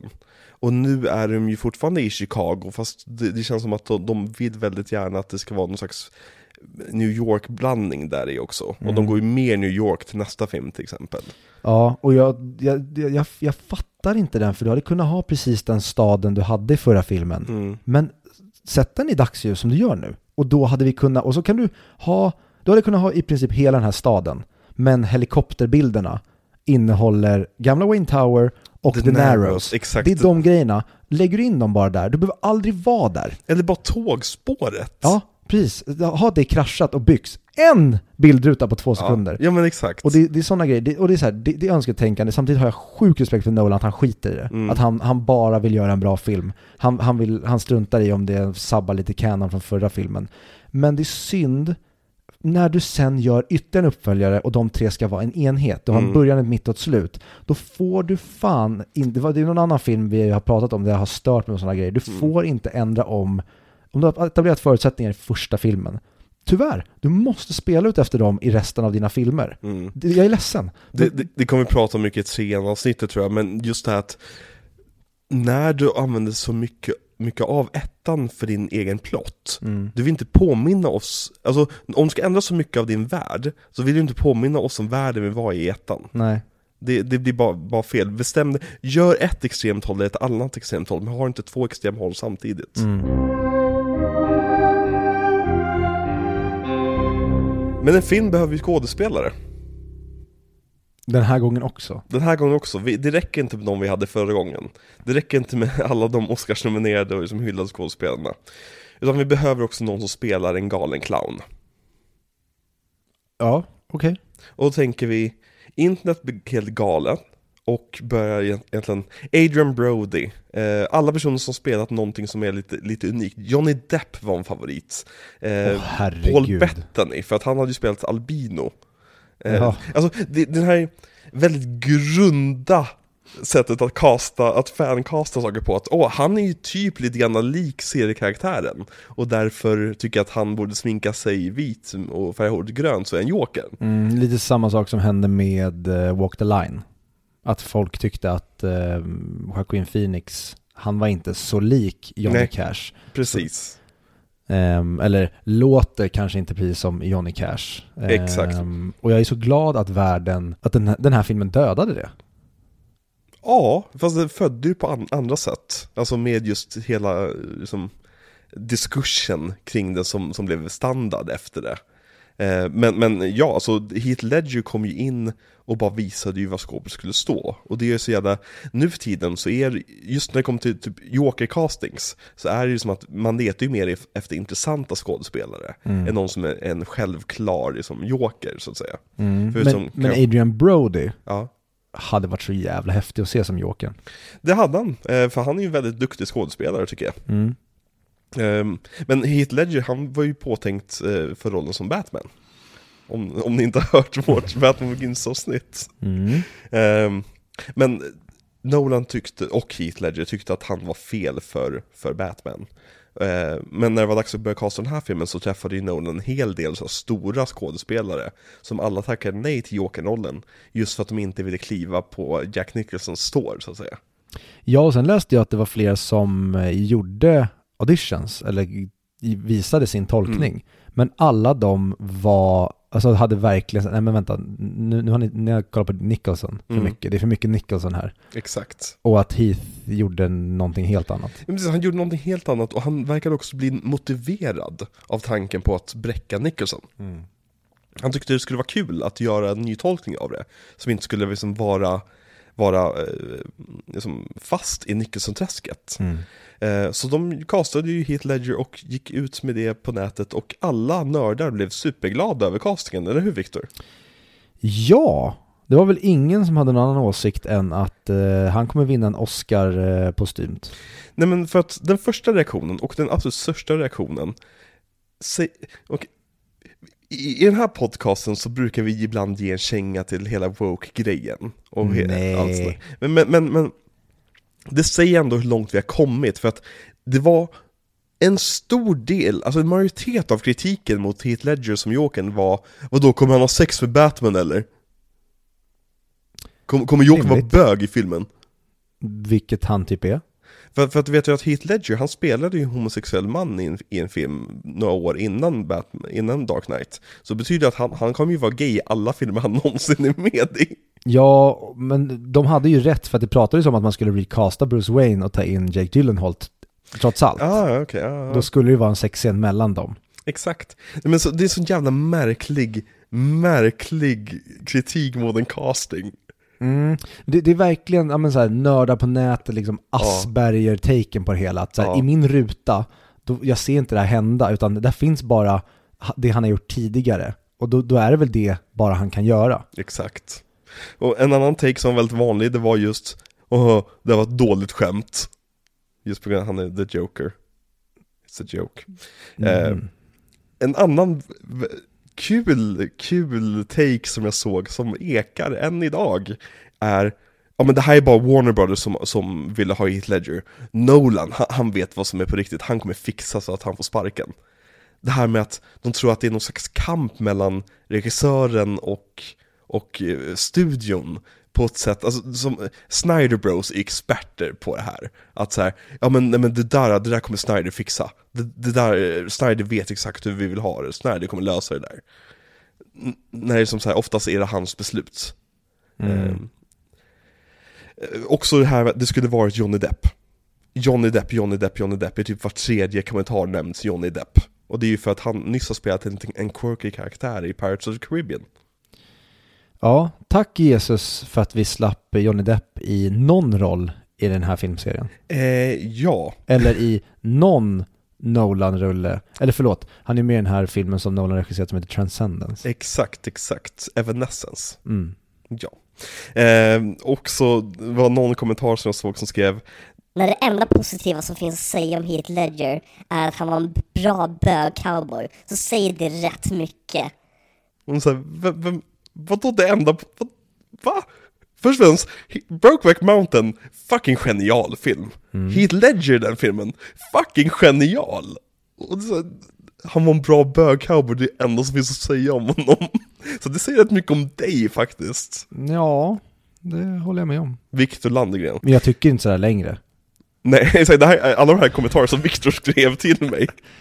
Eh, också, också det här, jag tänker inte se filmen om, om Ledger med. T- Tror du att Och de nej, höll nu kommer? Nolan att ändra sig. Det skulle vara så kul om det var någon som faktiskt var så tryhard så att, nej jag såg aldrig den. Heath Ledger med. Jag hade Han är bög. den. Big respect. S- sista kommentaren som jag tyckte var rolig och rätt talande, också så här. Jag har aldrig förstått varför Ledger anses vara en bra skådis. Och varför kvinnor finner honom så attraktiv. Men Vet du, det här låter ju som, vi, som oss när vi typ hade sett Triangle of Sadness eller när vi hade sett Top Gun. Det här låter ju som personer som bara vill vara konträra. ja, men det här, var ju, det här var ju den allmänna åsikten. Ja, men Så- det känns som att hela, alla nere i sina mancaves gick ihop i någon slags eh, synkroniserad psykos där alla var inne på exakt samma spår. Det är så intressant också för att så fort första klippet släpptes på San Diego, San Diego Comic Con, när man fick se Heath Ledger in makeup, då vände alla. På, ett dygn så var, blev alla supertaggade på Heath Ledger istället. Eh, och han liksom, allting med honom blev eh, typ le- legendariskt. Den här marknadsföringskampanjen när man kunde liksom göra ett, ett spel på nätet för att få fram den nya trailern och det släpptes någon bild på honom när bara han stod bakom så här frostat glas och så har han dragit eh, smiley face och står why so serious och grejer. Eh, jag minns att när jag såg filmen på premiärdagen så var det en kille som satt bredvid mig och sa alla Ledgers lines när Ledger sa dem för att han hade ju sett trailern. Åh herregud. Ja, Det gjorde jag i och för sig till uh, Scary Movie 4 på bio, men jag var typ 9. 19, Tj- 29, Vad sa jag? 9. Jag menade 29. Men eh, det som är kul med Ledger, det är det att han ger Nolan någonting Nolan aldrig har fått, eller kommer få senare. En Oscar. Damn boy! En second unit-fotograf. Mm. För att återigen så filmar allting, allting i den här filmen filmas av Nolan själv. Förutom delarna där Joker spelat in videos, för de fick Ledger spela in själv. Så han är, Heath Ledger är Nolans enda second unit-fotograf. Det är jävligt coolt. Um, och det säger så mycket om... Kanske, det, det kanske inte har någonting med Nolan att göra, för Nolan kanske bara blev blown away av Ledger, men annars skulle jag säga att det säger så mycket om Nolan och Nej men jag, jag litar på dig så Mm. pass mycket här. Jag, jag, jag, alla, eller nu kanske han inte läste en enda kommentar, Mm. men att han ändå väljer att lägga det i hans händer. Du får göra de här grejerna. Ja. Verkligen så här, hur jävla rätt han har hittat. Ja, men alltså, och hela marknadsföringen var ju egentligen planerad att handla om Jokern. Det var ju redan nu väldigt mycket om Jokern, men han dog ju under klippningen av filmen. Och då var de ju tvungna att revidera typ hela marknadsföringskampanjen. Så mycket av liksom det här Joker-centrerade eh, togs bort från marknadsföringen. Eh, för han gick ju bort januari 2008, när det var liksom fyra månader kvar till filmen. Vilket, vilket konstigt att folk reagerade typ så här: åh jag förstår varför Joker är med så mycket för om han inte spelar in allting. Det är så här, va? Tror du inte att de var färdiga i januari samma år som filmen släpps liksom? Ehm, men hur, hur reagerade du på när Heath Ledger gick bort? Minns du? Jag, min, jag minns inte alls faktiskt. Alltså jag minns inte när det hände. Mm. Jag minns snacket efter. Eh, men jag har inget minne av det whatsoever. Alltså Okej. hur jag mottog, var jag var, alltså någonting sånt där. För det är ett av mina absolut starkaste minnen Mhm. i, i, i mitt liv liksom.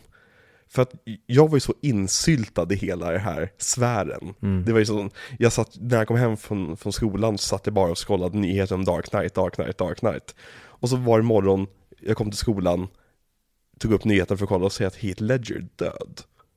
Och så här, jag fick, tror jag fick samma reaktion som väldigt många andra fick att helt plötsligt blir filmen ännu mer spännande. Mm. För det här är ju typ det hemskaste och typ det bästa som kunde hända filmen. Det är verkligen en, bara för filmen är det en blessing. Men ja. för allt annat, för liksom livet så är det en tragedi. Mm. Men det här är ju typ det bästa som kan hända. Ja men det gjorde ju så att den här redan på förhand mytologiska karaktären som folk redan var så jävla nyfikna på hur, det skulle, hur, hur han skulle vara på, på skärmen blev ännu mer mytologisk och sen började det komma rykten om att ja, men det var karaktären som hade dödat Heath Ledger. Hans förberedelse för det, vilket i efterhand visade sig vara totalt bullshit. Det var ju som bara, han hade festat lite för hårt och sen så hade han använt eh, sömnmedicin som inte var menad att kombineras och sen dog han i sömnen. Det, är, det är hans familjs story i alla fall. Det är, Ja. den får liksom, det är väl det man får gå på. Exakt. Ja, men det här, jag tror vi vill så gärna bygga de här myterna runt kändisar som dör. Att Mm. det är någonting, en, en del av historien. Och med Ledger är verkligen bara en, en olyckshändelse. Han, hade inte han gjort det, det, misstaget den natten hade han antagligen överlevt mått bra. Eh, han hade varit med i flera Nolan-filmer.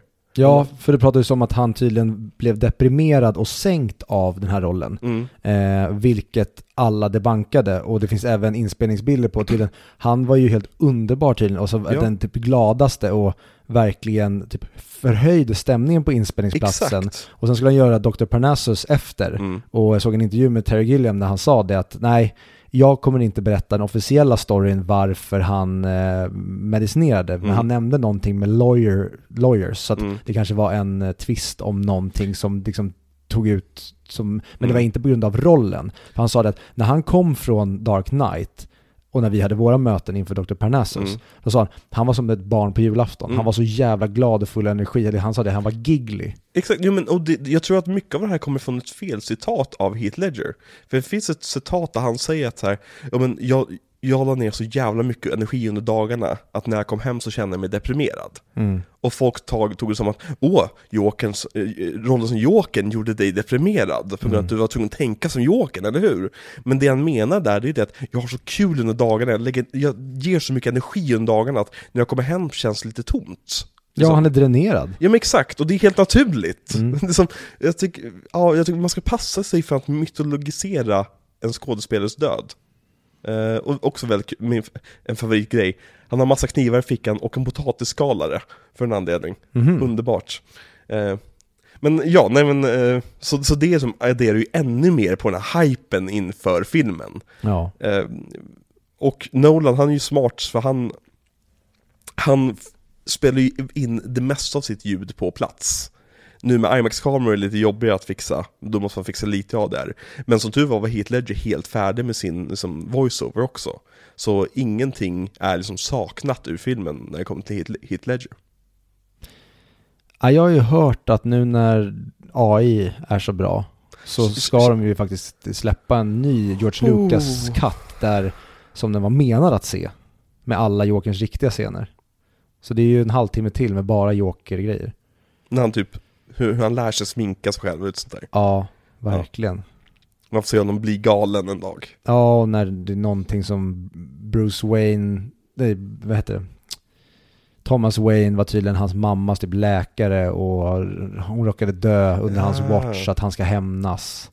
Eh, för det, ja, det, det är synd att det finns, liksom inget, det finns inget personligt hos Jokern. Jag skulle vilja ha verkligen att det finns en, eh, det är en hjärtefråga det här. Han vet att Bruce är Batman, så att han vill döda Bruce för att hämnas på sin döda mamma. Alltså, jag tycker att det här låter som att det skulle vara en alt-right film på något sätt. Så jag tycker det låter obehagligt och det låter som den sämsta filmen som någonsin gjorts. Så jag tycker att vi går vidare nu.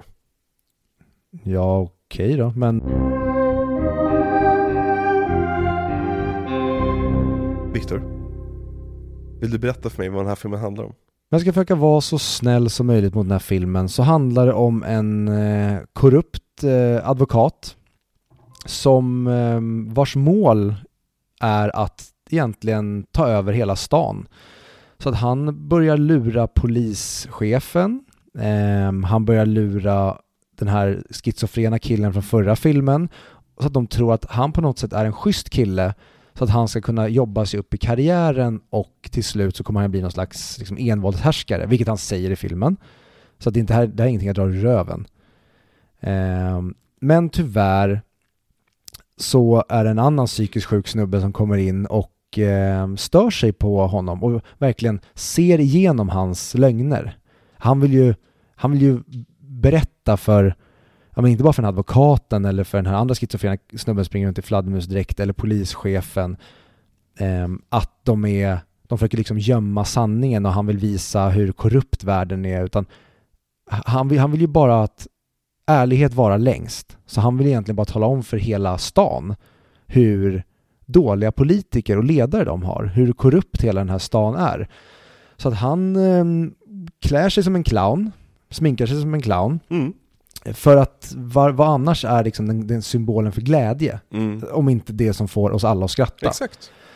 Eh, men såklart så ska den här eh, blonda fascistadvokaten, eh, den här eh, lögnaktiga polischefen och den här schizofrena snubben i fladdermuskläder, de försöker ju stoppa honom. Men som tur var så är han smartare än dem. Och tyvärr, när de verkligen sätter, liksom, de, de trycker upp honom mot väggen, då måste han börja döda deras kompisar för att berätta för dem att nej men det gör ingenting, alltså målen helgar medlen. Alltså Mhm. tänk dig lite som metoo. Om det är några oskyldiga som dör på vägen så gör inte det någonting så länge vi fattar poängen. Och det är lite det vad den här filmen handlar om. Och i slutändan så får vi reda på att han tydligen hatar kvinnor för att han dödar den enda kvinnan i filmen. Och det gör alla andra eh, fascistoida män väldigt upprörda. Så det är Jokerns fel att den här filmen inte klarar Bechdel-testet? Eh, nej, det är fascisternas fel. Okej, okej. Mm. Ja. Så, det handlar den här filmen om. Okej. Ja. Men En, enkelt och bra. Ja, sen, sen är det någonting med maffian som anställer honom, det är någonting med Hongkong. ehm, Kan, kan, du, skit i det. kan du klämma in lite grann så här lite kritik mot övervakningssamhället också? Eh, ja, det, det man skulle kunna göra det är ju att den här schizofrena killen eh, som har alldeles för mycket pengar, Mm. han tar varenda mikrofon i den här stan och gör så att den skickar signaler så att i, har man på sig vissa glasögon, Mhm. då kan man alltså se allt. Man kan se i olika våningsplan och grejer, Ja. och bara eh, dra huvudet uppåt så, så bara zoomar den upp till rätt ställen och grejer. Absolut, det kan vi skriva in. För, Ja. för i slutändan, han är för bra och för liksom schysst och ärlig den här Mm. clownkillen. Så att då måste de ta till de här väldigt totalitära fascistoida Ja. metoderna. Så det är skitbra att du skriver in det. Alltså såhär, det där med övervakning, alltså det är så här, det är en cool sekvens, men det är ju totalt jävla nonsens när man, så fort man börjar dra lite i tråden. Ja, eller tekniskt utförande kanske. Ja. Men jag tycker det är, eh, vad ska man säga, etik och moraliskt är det en jävligt, ett jävligt snyggt grepp. Definitivt, 100%. Däremot tycker jag inte att, om de hade bakat in det mer genom filmen, Nu känns det som någonting som, som Nolan går på som, fan vad intressant koncept. Vi har mer i sista 20 minuterna. Eh, de har ju lite grann mer just med Lao-grejen i Hongkong, Mm. som en setup för det. Mm. Men jag önskar att filmen hade handlat mer om det etiska eh, dilemmat. Det här med att Batman vet att jag har det här supervapnet. När kommer Jokern pusha mig tillräckligt långt till att jag måste använda det? Mm. Jag, jag kan hålla med om att det kommer lite out of the blue. Ja. Mm. Eh, Men, men anna- annars så tycker jag att det var, det var en bra förklaring av vad filmen handlar om. Eh, För, för filmen handlar egentligen inte om så jättemycket. Även fast den har jättemycket plott. Mm. Eh, De, det är lite av det här magitricket att Nolan fortsätter bara prata med dig. Så att du känner att det går vidare och vidare och vidare. Men egentligen är det ett grundläggande story. Det handlar om att hur långt är du villig att gå för att rädda eh, de omkring dig? Hur mycket av dig själv är du villig att offra? Mm. Ja. Hur, hur, hur långt måste vi gå för att vrida av kranen helt enkelt? Ja. För det bara läcker och det blir, håller på att bli översvämning. Mm. Och vid något tillfälle så undrar vi, eller så här, måste vi bränna ner huset? Mm. Eller kan vi faktiskt göra någonting innan dess? Ja, det är nästan som man skulle kunna tro att efter det här eventet så är Gotham lite, lite stökigare, har lite mer skurkar ut, det händer lite mer grejer. Men jag tycker att vi kan egentligen skriva in att Gotham har varit jättelugnt i typ 10 år eh, i nästa film. Mm. Man skulle kunna kalla det för typ The Dent Act eller någonting. Ja, Mm. Men vet du vad man skulle kunna skriva in? nej vadå? Att eh, det finns ett brev eh, med lögner, Mhm. eller rättare sagt en, en, ett erkännande, Mm. eh, som skurken läser upp och alla tror på det. Och det skapar eh, kaos i stan. Jag tycker vi ska lämna nästa, nästa veckas film till Eh. nästa, nästa veckas avsnitt. Okej då. Ska vi prata om castlisten istället? Eh, just det, det känns som vi har gjort, men vi fortsätter. Ja men vi har pratat lite grann om skådespelarna när, när de kommit upp. Men Christian Bale, vad tycker du om Christian Bale i den här filmen? Och vad tycker du om hans röst? Och vi börjar med rösten då. Jag trodde att jag skulle ha mer problem med rösten. Jag tycker rösten blir värre mot slutet. Eh, Hans sista dialog är nästan bedrövlig. När han... När han är andfådd också samtidigt. Ja men när han är skjuten liksom, för då, Precis. då blir det som att nu ska du spela skjuten och göra Batman-rösten. Och varför göra Batman-rösten framför Gordon? Ja men ja, det, det är ju en grej man skulle egentligen kunna kritisera, typ när de ligger på bilen, Rachel, och när de har landat Ja. efter fallet, så har han också Batman-rösten. Eh, och det måste ju bara helt enkelt vara ett val från Nolan bara, nej vänta, så fort han är i Batman-dräkten, då är han Batman. Kan- kan- Tillbaka till bilen med Rachel. Jag vill bara ha din teori på vad som händer där. Hur räddar, hur överlever de fallet? Nej men han, det, det ser man, alltså han, han dämpar fallet med manteln, men inte tillräckligt för att han ska göra en snygg landning. Alltså- för det tänkte jag också han faller, jag bara, faller de så här, landar de så här hårt? Men det visar sig sen på slutet att de faller mycket långsammare för att det fladdrar med manteln. Jag, jag, ty, jag tycker hela det fallet är, alltså jag fattar vad Nolan försöker göra och jag tycker han levererar det. Det är just det att det klipper bort från så snabbt i, som gör så att vi inte hinner tänka igenom vad det var som hände. För att som sagt, det ser jättemärkligt ut att de bara faller. När jag såg den första gången trodde jag att Rachel skulle dö där. Mhm. För att det var liksom ett sånt fall. Och det finns ingenting om att han typ tar upp sin grappling gun och försöker skjuta. Alltså, det, det känns som att de ville få slut på scenen där lite grann. Ja, nej, nu den här gången så tyckte jag verkligen att eh, det han gör precis innan de landar, Mm. alltså dämpa farten, funkade alltså, tillräckligt. Mm, Alltså, aha okej, det där har inte jag sett tidigare. mm. Att deras fart sänks på grund av att han gör, liksom, han får inte upp manteln som stor, men han liksom typ omsluter dem med den och gör så att det blir nästan som ett litet paraply. Mm.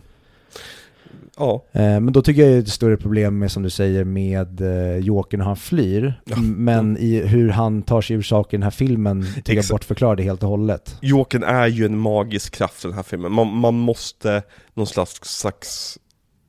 Man måste släppa att Jokern är en normal människa men som följer normala regler. Ja, och där, där tycker jag att filmen nästan gör överförklarar hur skicklig han är. Så att, Mm. vi, så att det är ingen idé för oss att börja ifrågasätta när vi inte har en förklaring. För att Nej. de har förklarat så många gånger hur, mycket, hur många steg före han är hela tiden och hur han tar sig ur situationer där han inte borde kunna ta sig ur. Men tillbaka till Bane. Eh, rösten, som jag sa, jag tycker den eh, är... Den var inte konstig eh, förrän mot slutet. Mm. Eh, då tyckte jag att, men, att den liksom vrids upp, men jag läste tydligen, för jag tänkte att det är eh, Christian Bale som gör något konstigt. Men tydligen är han väldigt nedtonad när han spelar. Exakt. Och det är pålagt i efterhand. Så det är märkligt val från Nolan. Mm. Ehm, men jag tycker att eh, Bale för övrigt gör precis lika bra som i eh, första filmen. Jag tycker väldigt mycket om framförallt delarna med ehm, när han är Bruce Wayne. Det är just det jag saknar från den här filmen när det kommer till Bruce Wayne, eller, eller Christian Bales tolkning av Bruce Wayne. Att jag tycker att det saknas de roliga bitarna med Bruce Wayne. För Jag- jag, jag tycker, jag, jag håller med dig, jag hade velat ha mer. Mm. Men jag tycker att delen eh, i restaurangen med Harvey, Mm. eh, även han introducerar Harvey på festen. Eh, men min favoritdel med honom, det är ju verkligen när han blir påkörd. Ja, Det, det är så, åh, tack för att du är den här karaktären här. och där får vi lite comic relief också i den här superseriösa filmen. Den här filmen behöver mer av Batman Begins humor i sig. Mm, men jag tycker ändå den har mycket humor, men den är så jävla mörk att de delarna liksom, det, det går inte ens att, det går inte ens att börja dra i, alltså det i en annan riktning, utan det är bara att ibland får vi en liten, ja men typ som när eh, Reese eh, hotar eh, Fox. Ja, men exakt. Det är så jävla bra humoristiskt. Och visar sig att Fox är ruthless och mordhotar folk och Ja. grejer. Det, det är så här, jag- tycker inte om karaktärerna när jag är färdig med den här filmen. Alla visar sig vara rövhål eller typ aggregat- aggregatörer på något sätt. Ja men det är också någonting som jag tycker så mycket om med Batman, att det här känns som en mörk värld verkligen. Ja, Att den förra filmen slutade hoppfullt och sen så drar vi ner allt i skit i den här och det känns mer, jag får ju mer liksom Batman Animated Series känsla, alltså som hur typ Mask of the Phantasm Ja, men- ser ut, Mm. så känns ju den här filmen. Att allting är bara mörkt och hopplöst. Ja men det visar sig som att, att, att Fo- Fox mordhotar anställda som vill göra rätt för sig. Eh, Alfred har varit kolonialherre i Angola och dödat infödingar, liksom bränt ner skogar och grejer. Eh, Batman blir kåt på fascister. Maggie Gyllenhaal kan inte skådespela, det är ingenting med karaktären jag vill, jag vill bara säga det igen. Eh, och liksom, det, jag, jag blir typ irriterad på karaktärerna slut. Och Gordon, lite så små, små dum i huvudet när jag argumenterar mot Batman. Så här, jag behöver fem minuter för att ta ut alla. Nej, du får inte fem minuter! Jag måste rädda Harvey! Jag måste rädda Harvey! Så här, tack, det är Batman. Ge honom fem minuter. Mm. Som, ja, men å andra andra sidan, det är just det den här filmen handlar om. Att liksom, Alfred har bränt ner skogar i Afrika. Nej, att, att vad gör den här konflikten med de här människorna? Mm. Och det tycker, jag, det tycker jag om i filmen. Jag, jag rantar från, från ett komiskt perspektiv här lite grann. Men Mm. mm. karaktärerna är väldigt nasty i den här filmen. Mm. Ja, de är brutala och så gråa. Jag älskar det med rakt igenom. Jag, jag gillar nästan ingen. Jag, jag, jag vill bara se kaoset. Vad tycker du om Michael Caine i den här filmen? Tycker han får mycket att göra? Eh, Jag tycker han är också med rätt lite i den här filmen. Ja, men jag skulle nästan säga att alla är med lite. Alltså det, det så, jag tycker Jokern är med lite. Mm. Jag blev förvånad över hur sällan han dyker upp. Mm. Men det är för att det är så jäkla, den är så fullpackad med grejer så det känns nästan som att Ja. aldrig någon får tillräckligt med runtime som man vill ha. Och det är inte för att det är för lite runtime, det är bara för att jag vill se alla de här karaktärerna göra mer. Jag vill nästan bara ha en, inte buddy cop-film, men en film där bara Bruce och uh, Alfred hänger. För jag tycker om deras snack så mycket. Den här filmen hade så lätt kunnat skrivas om till en 10 timmars miniserie. Mm. Och det hade blivit så jävla gött. Det hade nog varit det bästa vi kunde få i hela världen. Ja, verkligen. Då hade alla, min, alla mina reservationer mot den hade bara försvunnit ut genom fönstret. Mm. Just att de fick lite mer tid att andas på sig. Ja. Okej, men vi hoppar över Michael Caine, han är inte med så jättemycket. Han får några bra, eh, han får ju några legendariska lines. Some men just want to watch the world burn. Ja men jag, jag tycker han är jättebra som moralpolisen här. Ja, Alltså verkligen att han säger det, att Batman måste stå över här. Mm. Gå inte ner och lämna ut dig själv. Det här är varför Batman finns. Mm. Det är för att du inte kan bli så här känslosam.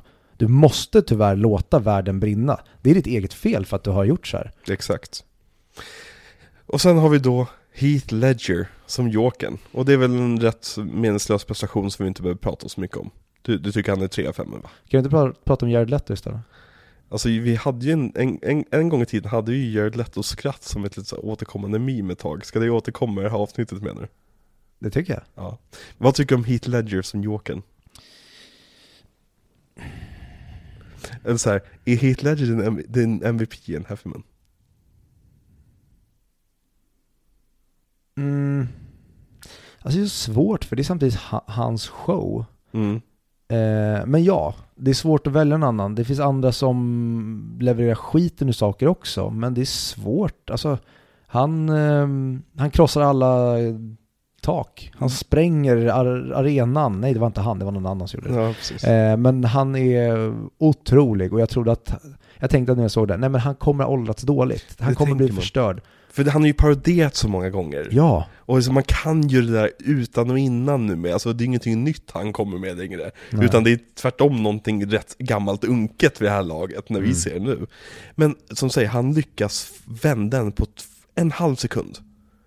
Ja, nej men han, alltså, jag vet inte om det är tack vare inledningen, men inledningen gör ju att man, man är på. Det är en av Mm. de bästa filminledningarna ever tycker jag. Mm. Och det är nästan, det borde inte heller funka idag när han säger bara, alltså vad som inte dödar dig makes you stranger. Mm, och precis. den då bara, oh, oh my god, oh my god, vi har två timmar och 20 minuter kvar. Yes! Japp. Filmat i IMAX. Helt amazing. Nej, men alltså, hans prestation är så bra att det tog mig år att kunna se att det, att det är Heath Ledger Mm. under allt det här sminket. Eh, nu ser jag rätt klart och tydligt att det är Heath Ledger. Nu har jag börjat se det som Heath genom det. Men det tog mig jättelång tid att inte bara liksom bli mesmerized av Jokern. Och det är som filmens hemliga magi- magitrick. En galen clown kommer in, ett litet titt som tätt och bara avbryter filmen. Mm. Och det är mindblowing att den här snubben är, han är 27 bast Ja. när han dör. Han var 28 när han dog va? Var det 28? Ja, Okej, jag får alltid för mig att han är med i 27-klubben, men Ja. det kanske var 28. lite bättre ändå. Eh, ja, men det är alltså som också Terry Gilliam sa i den eh, intervjun som jag kollade på. Mm. Han är inte 30, han är liksom närmare 25 eller Mm. liksom, han, han har lång väg kvar till 30. Men han beter sig och ser ut som typ en 40-åring. Mm. Alltså han är så långt före alltså, vad han egentligen borde vara. Så Och det är head det, of the curve. Ja, det skulle man kunna säga. Och jag tycker verkligen det är så i den här filmen. För jag, jag än idag, så här, jo det är klart att det går att se att det är Heath Ledger. Men Heath Ledger är inte där. Alltså han, han, hans ö... För han, Heath Ledger har så himla, vad säger man, nyvakna ögon. Ja. Men här har han nästan stora, det blir som att hans ansikte, de har som tryckt in skenor i hans ansikte för han ser inte ut som Heath Ledger. Det måste ju vara någonting med typ så här vilken lins eh, Wally Fischer använde eller kanske någon color correction men Jokerns ögon är ju typ svarta i den här filmen. Alltså hans, hans ö, alltså, eh, ögonfärg. Ja, jag tycker mycket av hans färg och nyanser överallt förändras genom film beroende på scen. Och det jag Ja. tror mycket att göra med beroende på hur skarp hans vita makeup är Mm, i vilken precis. scen och, och inte så förändras hans utseende. Så det blir också så jävla häftigt att han är nästan olika personer beroende på vilken scen för att han är så himla olik i sitt utseende. Ja. Och vi skulle kunna gå jättemycket in på Heath Ledgers metod, om hur han sängde in sig och läste The Killing Joke och övade på skrattet och ticsen och sådär. Men det här har ni hört. Alltså det här är världens mest över, överpratade film. Och legenden om Heath Ledgers metod och hur method han gick på det hela. Det, det har pratats om så mycket, det, det är inget kul att prata om längre. Det var, det, var ingen, det var ingen kul att prata om typ augusti 2008 liksom. Redan då hade det pratats sönder. Eh, men han gick ju otroligt method, eh, vilket är väldigt kul. Mm. Han gjorde det bäst, ingen protest. Ja, exakt. Det, Protesten försvann, hans liv slutade brann. hans pengar gick i brand. Vi går vidare. Vi, vi går vidare. Ja, men vi, vi, vi lämnar det hit, vi har pratat mycket om My dogs are hungry. Vad tycker du om Richie Coster? Eh, vet, ska han och Maggie Gyllenhaal ha en brottningsmatch om vem som är sämst eller? Alltså, jag tycker han är charmigt Jag, sämst. jag tycker också att han är charmigt sämst, men jag vet inte vad det är. Sluta ringa folk. Varför ringer folk mig och jag ska tysta det och det slutar med att jag svarar? Eh, tillbaka till. Eh, jag vet inte vad det är med Nolan och hans eh, europeiska eh, dialekter. Ja. För det här kommer ju återkomma i senare filmer. Eh, jag vill inte nämna några namn, men Kenneth Branagh. Ja. Att, eh, jag vet inte, det kanske låter helt annorlunda eller han kanske framstår som en helt annan prestation här i Dark Knight ehm, My Dogs Are Hungry-mannen. Men för mig så är den där dialekten, alltså det, det är en parodi. Det, det är ju Rocky and Bullwinkle-ryssar liksom. Ja, exakt. Ja. Ja, eh, men som du säger, han är jättecharmig Mm. och jag tycker väldigt mycket om hans hybris-karaktär. Mm. Att han, tror- han, han, han tror så mycket om sig själv hela tiden och så är det så roligt hur Jokern tar hans hundar. Ja men och det är också kul också hur ledsen han ser ut när pengarna brinner. Ja. Eh, jag tycker han spelar det ögonblicket väldigt bra. Mm. Eh, Men jag, jag tycker om, ska jag säga det, jag tycker om alla ja, maffiakaraktärer. verkligen. Gamble också. Åh, och. Won't get a nickel for his grandma. Enough from the clown! ja, man förstår honom också. Ja, Ja, den scenen är så bra Viktor. det är helt otroligt. Det, det är en av de bästa scenerna vi har haft i podden. Mm. Ja, alltså framförallt som inom citationstecken introduktionsscen. Ja. Alltså att det, här, nu kommer vi in och få se Joker-scenen. Det är verkligen Joker-scenen. Mm. Det här är ju, ska du visa någon typ va- va- varför den här filmen är så bra, Mm. då visar du den scenen. Alltså bara, jag ska få den här pennan att försvinna. Mm. Och hur han dunkar liksom ner huvudet. Det är så jävla It's snyggt. Gone. Mm. Och hela det här med- ah, ha, ha, Och here's my card. Som att han gör någonting alldagligt. Och som att det vore hans visitkort och så Mm. är det bara ett jokerkort. Och det är så skönt att han, han driver, Mm. men han blir inte stor joker Nej. skojad. Han säger såhär, here's my card, och liksom blir stor, utan där är han, han, han deadpanar det. Exakt, precis. Det är underbart. Ja, man märker, märker att den här jokern har komisk timing in universe. Ja, Och det, det är sånt, jag älskar när karaktärer får vara roliga i filmer och folk faktiskt reagerar på att de är roliga. ja. Och att alla bara inte har ett manus skriven av stand-up-komiker. Mm. Som Marvel-filmerna oftast har, att alla är, alla är jätteroliga men ingen reagerar på att någon är rolig. Mm. Ehm, De är bara, alla är så jävla fyndiga hela tiden. Mm. Eh, men till, innan vi går vidare från eh, Heath, eh, jag tycker om så mycket, det, det kanske var bara för att jag sett den, det var ett tag sedan jag såg den nu, men hur han är, hans hela tiden balans mellan att vara jätterolig, mm, men det han säger som är jätteroligt blir också skitläskigt. Mm. Som typ när Batman spöar honom och han asgarvar och bara mhm. You have nothing to threaten me with. Det bara, och han, så jävla och så bra asgarvar han och då är det så här, nu är han stor och liksom jokerig, Mm. men nu är han skitläskig och vi förstår Batmans panik. Ja men det är det, när någon är så pass low status att du blir påspöd av Batman inne på polisstationen och du bryr dig inte. Det är ju det som är läskigt. Ja. Det ja, ja, men ingen kan komma åt honom. nej. Och när han sitter som, ja, säkert hur mycket som helst här, åh, nu på tvn tittar vi. Det, det här Nej. är också en av de bästa scenerna i hela filmen när han dyker upp i Nurse-kläderna. Eh, och jag vet att många har klagat på att, men hur kan Harvey inte se att det är han för han tar av sig masken? Fuck it, jag bryr mig inte. Eh, snubben har fått halva kroppen bortbränd, han har vägrat ta emot painkillers och vi reagerar på att han inte ser Ja, att men- det är Jokern. Han, han är ju helt fucked i huvudet. Ja men och så här, Jokern kan ta sig in överallt och grejer, alltså det, jag, jag ser inte något problem med att Jokern är där. Jokern är där för att Gud som gillar Jokern bestämde att Jokern skulle kunna ta sig in liksom. Han har ju övernaturlig tur liksom. Ja, nej, nej, jag menar bara att eh, Harvey, han reagerar inte på att det är Joker Ja. förrän Nej, munskyddet åker av. Exakt. Och det är det jag, det är det jag har hört folk liksom klaga på. Men jag, har, jag ser inte Jag, det problemet. jag har inga problem alls med det. Det, det, det har gett, det är ett av de roligaste, jag tror jag aldrig skrattat så mycket som när jag såg det memet första gången. Bild på Jokern med mask på sig, så här, ser man Harvey den så här, Oh, what a normal look, looking nurse. Och så tittar han av som mask ah! Ja, nej, det är bara hela deras dialog där och hur han knäcker Harvey. Att Mm. Harvey, han vaknar upp där och är redan knäckt. Mm. Men han har inte blivit eh, ond inom citationstecken än, eller exakt. hämndlysten. Men Jokern kommer in dit och bara ger honom en push. Mm. Och sen har han fått sin nya hund som är ute och gör ka- kaos så att de kan fokusera, så här, ja, ni hade mig att fokusera på, här är en till kille ni ska fokusera på. Och den här snubben får inte, det får inte komma ut att han gör så här. Exakt. För då är ni fucked.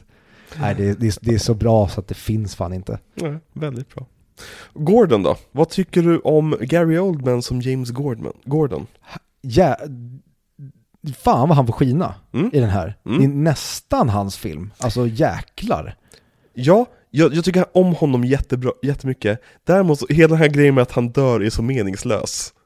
Och det, det, det känns nästan som att det är en twist för en twists skull, för han kommer tillbaka, så fort scenen är slut så kommer han igen tillbaka i livet liksom.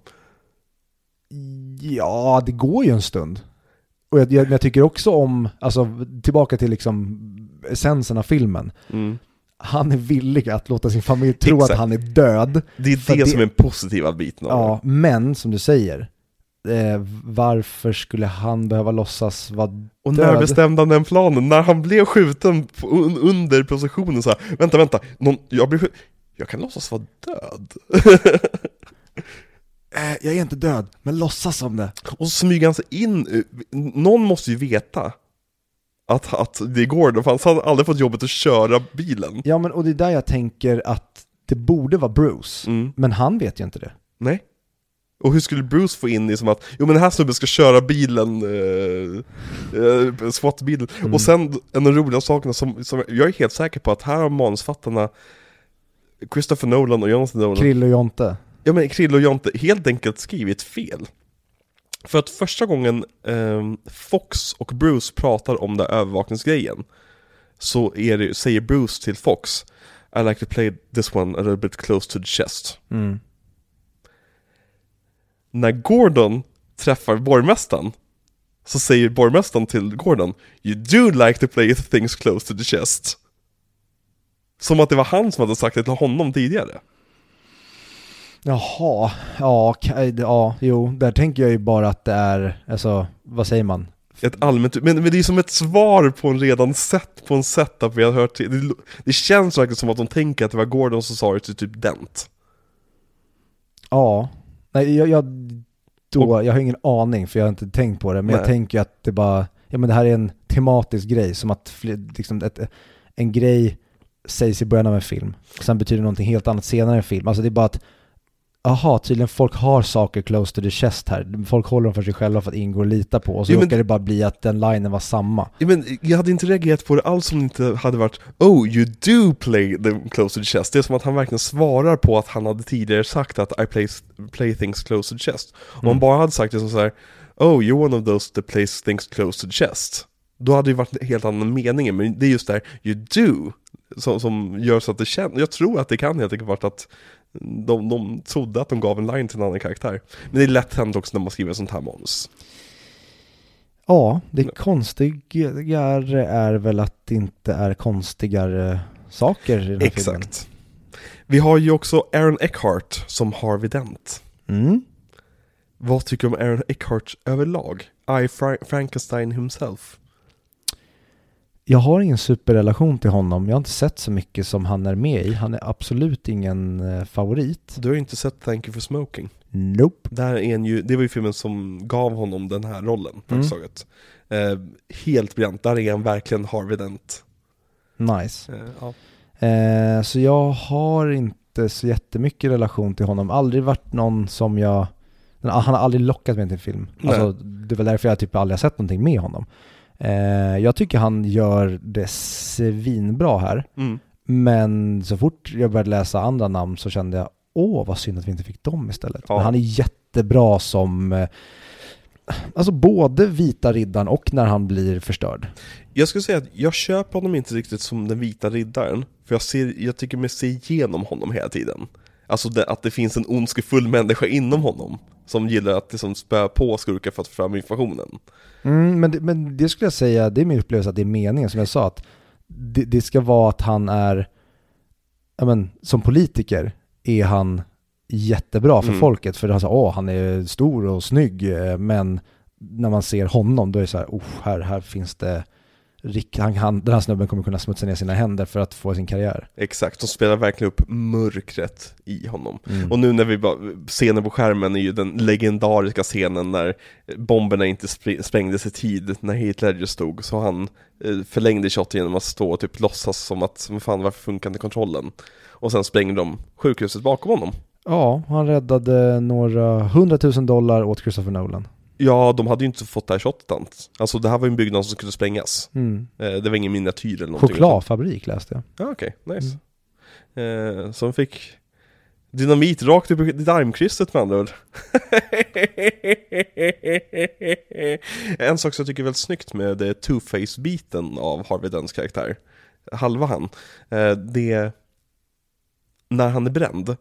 Vanligtvis i, i serietidningen så brukar two-face vara så att han har liksom sin syrade sida, och sen så på dräkten så är ju också delad. Mm. Och här har de gjort som att innefodret är lite rött. Så det kommer fram för att kostymen är bränd. Mm. Och därmed ger de honom en dräkt också. Och Mm. det tycker jag är väldigt snyggt. Jag tycker han, eh, jag blev verkligen eh, mindblown är fel ord, men eh, hur, hur, han, han borde inte funka. Nej, Framförallt inte designen, den, den borde tas, ta en helt ur filmen och den borde vara Ja den borde sabba, men den gör verkligen inte det. Den är skitsnygg och den är inte subtil. Nej. Men den är jävligt det är subtil. typ det enda CGI-arbetet i hela filmen. Mm. Utöver att typ tvätta bort kameror. Det är ju det Nolan använder CGI till. För att liksom ta bort kamerateam som står längs gatorna. Han är Och- motsatsen till Fincher. Ja men det är ju verkligen det. Alltså, de, de använder, fast de använder sig av CGI på ungefär samma sätt fast motsatta, motsatta saker att göra med. Eh, De vill fortfarande att det ska vara subtil CGI. Mm. Eh, skillnad från kanske typ Marvels CGI eller eh, Transformers CGI. Liksom. Ja, men där Fincher vill, okej men kan vi gömma CGI här och gö- göra en Mm. CGI-hus istället för ett riktigt hus och få det att ingen tänker på det? Exakt. Medan Nolan är tvärtom. Vi använder riktiga effekter tills det inte går. Där kliver vi med CGI. Precis, precis. Nu bara kommer jag att tänka på det för att vi är mitt uppe i den scenen. Men det här med att det bara finns två färger i hela Gotham och att det tog typ en hel eftermiddag att ladda på de två färgerna.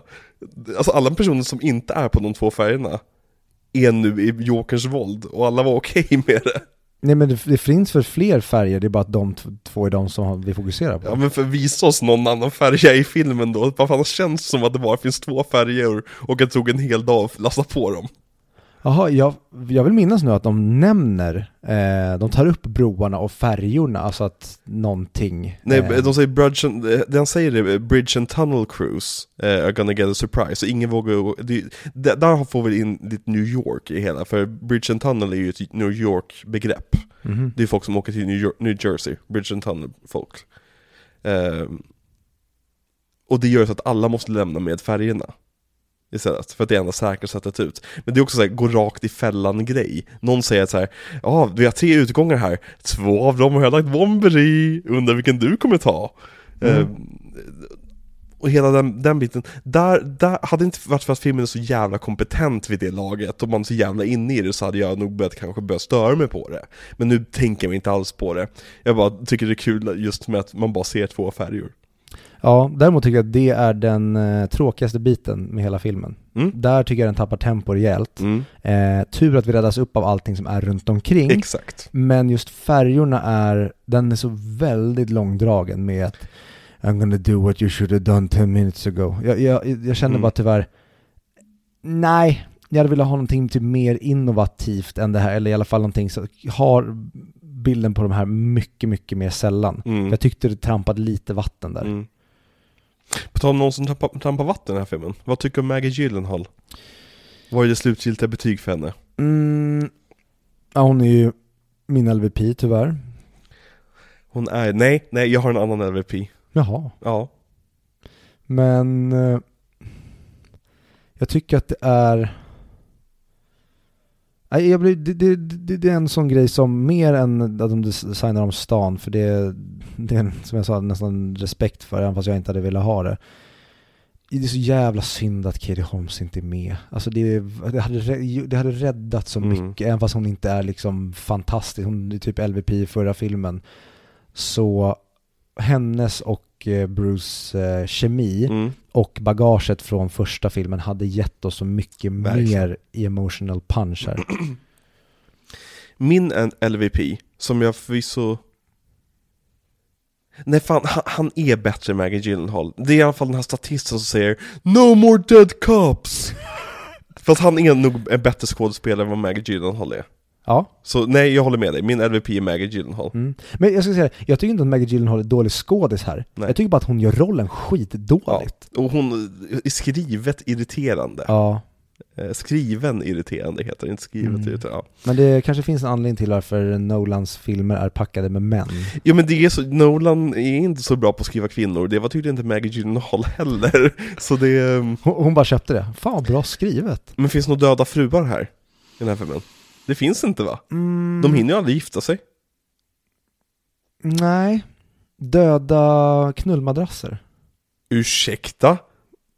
Eh, Döda grillspettar, för hon är med både Bruce och Alltså Harvey. jag vet att han, fake Batman var tjock och grejer, men du behöver inte kalla honom för madrass. Ja. Vad tycker du om han som spelar, vad tycker du om Wayne Knight i den här filmen?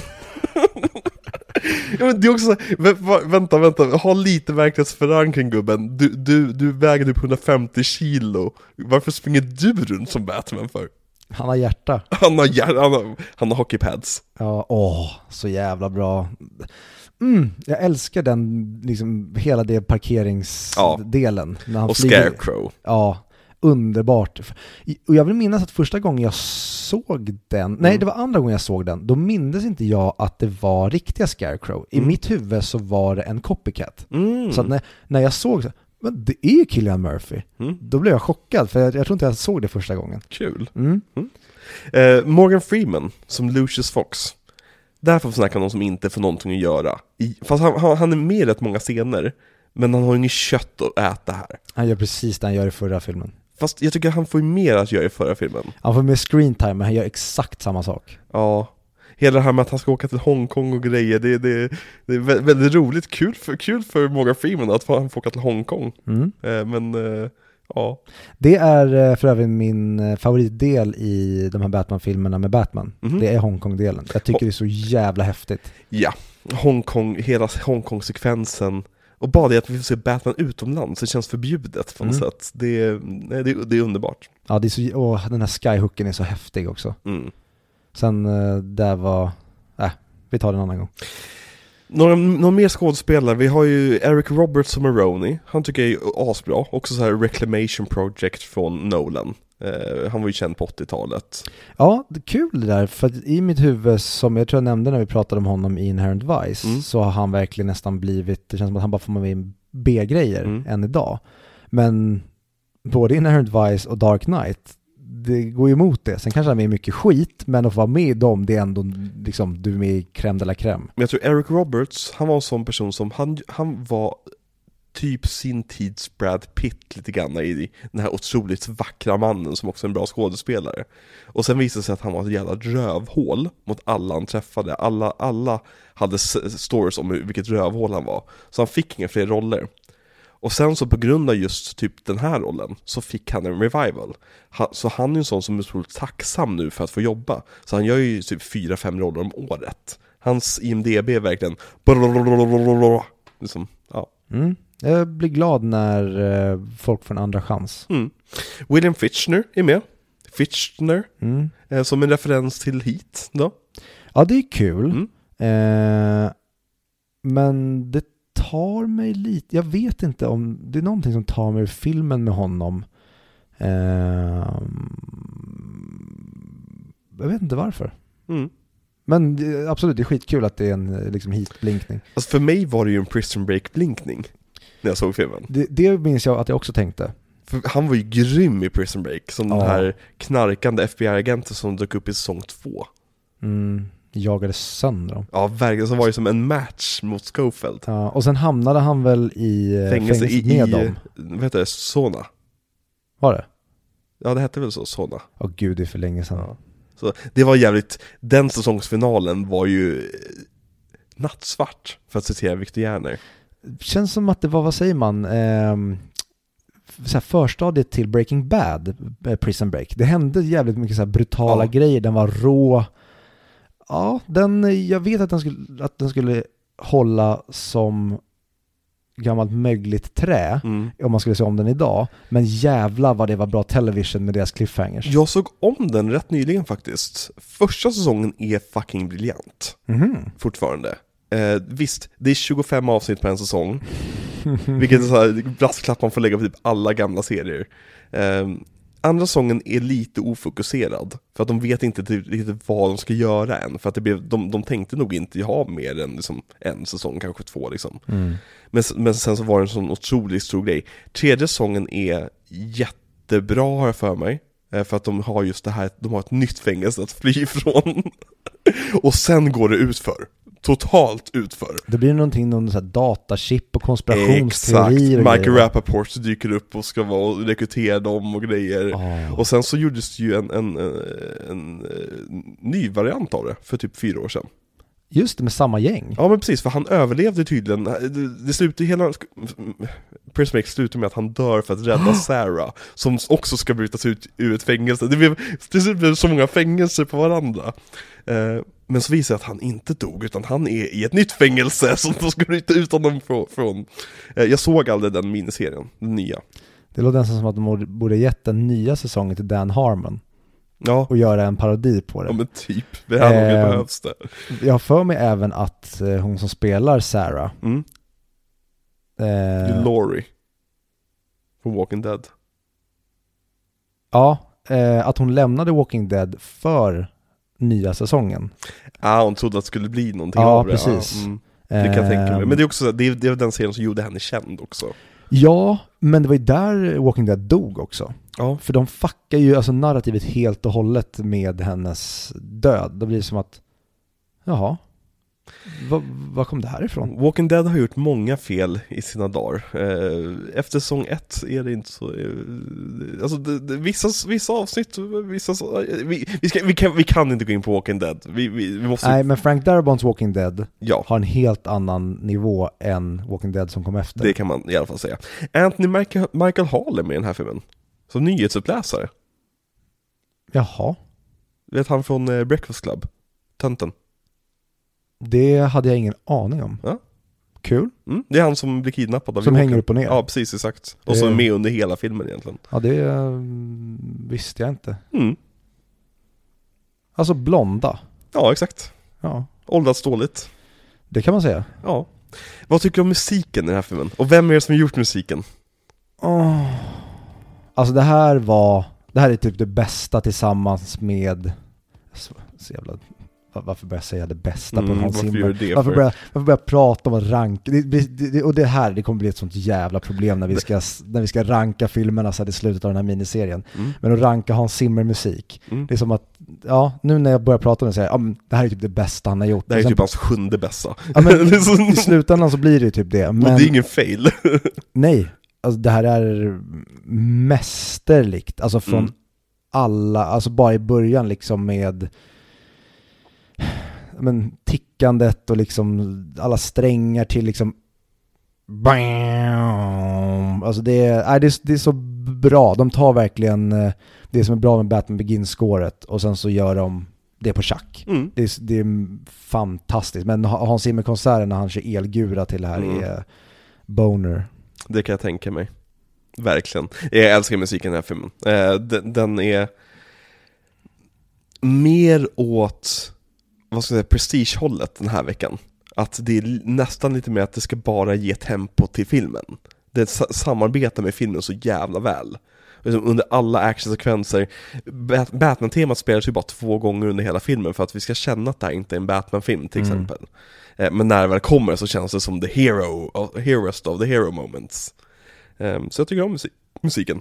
Ja, och hur eh, spåret som spelas i slutet när Jim håller sin monolog och Batman springer. Det är, eh, jag tycker det är en av de, en av fetaste filmsluten i historien. Det är så jäkla episkt. Alltså det är verkligen peak så här, Heroes Journey eh, slut. Och Ja. att hjälten inte slutar på topp utan han slutar på botten och det är därför han är hjälten. Exakt, han, alltså, han slutar på en slags moralisk topp. Mm. han, han har kunnat ta på sig någonting. Han är Jesus. Ja, verkligen. Ja. Nej men det, ja. Um, posten till den här filmen.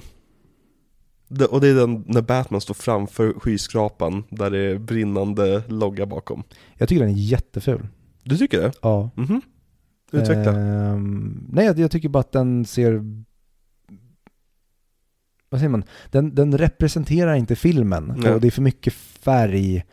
Ehm, den känns för stagead. Det Mm. känns för mycket som en comic book eh, poster. Mm. Och jag tycker inte att den här filmen eh, har liksom en comic book vibe whatsoever. Har du har en alternativ poster som du tycker mer om? Typ den med frostat glas, Jokern, Why So Serious Den brukar vara rätt populär Mm, nej, alltså jag gillar typ som på min eh, Dark Knight-box jag har. Jag skulle Mm. bara vilja ha det så enkelt kallt som möjligt. Jag ville ha nästan bara Batman-loggan och Mm. så står det Dark Knight. mm. Jag tycker...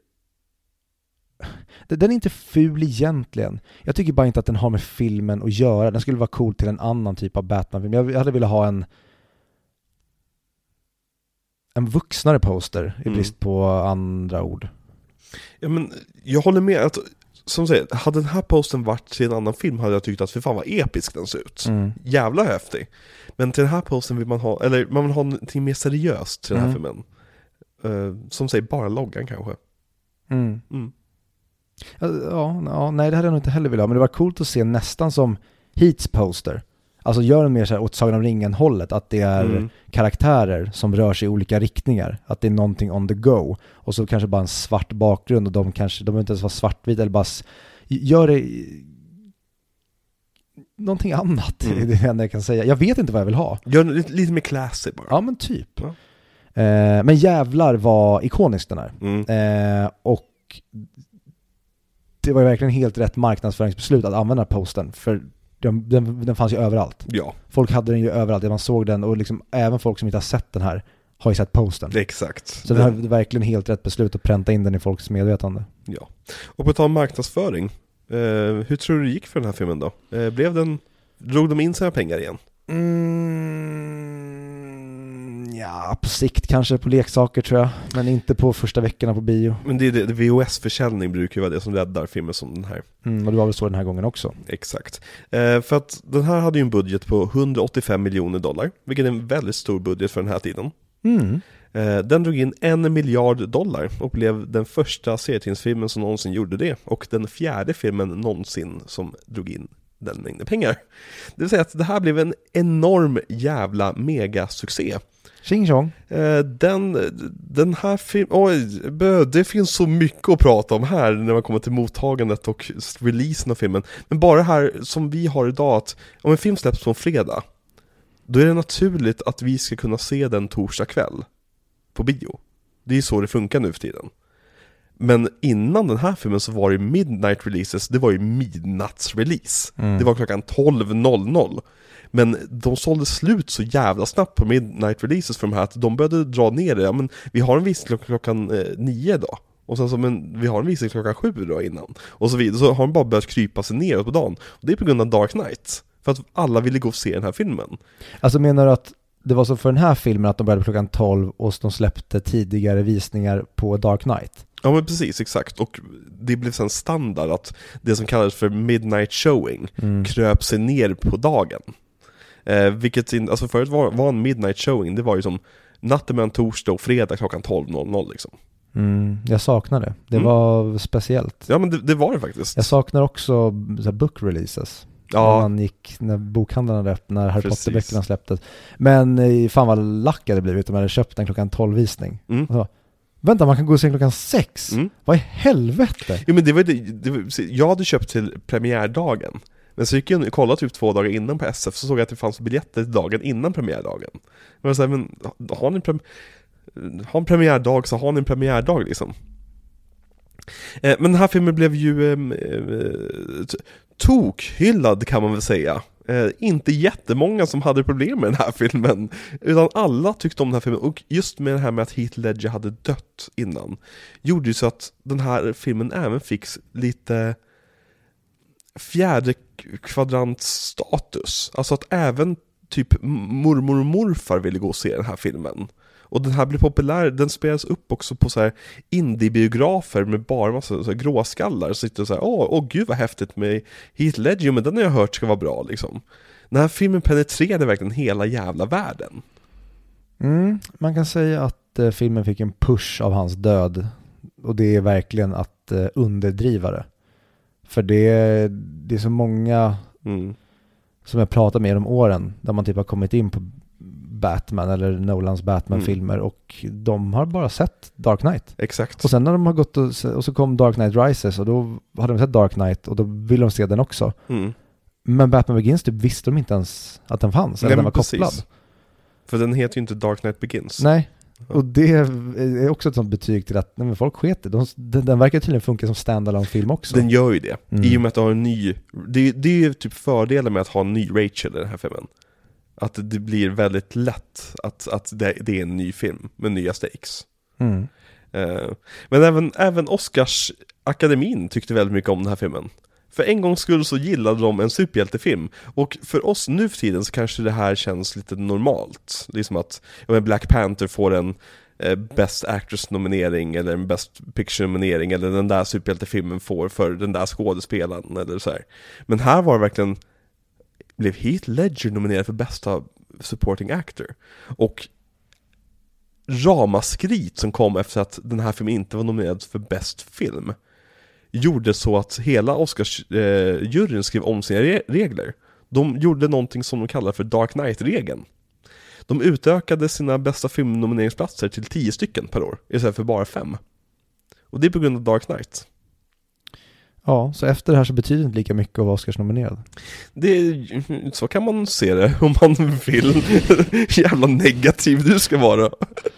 Nej men alltså det, det är verkligen... You get a medal! Den här You get a medal! Den här filmen ändrade verkligen allting, den ändrade hur vi ser på superhjältefilmer, ändrade, alltså När den här filmen kom, då var folk trötta på superhjältefilmer Det var snack om att, kommer det inte lite väl mycket superhjältefilmer nu för tiden?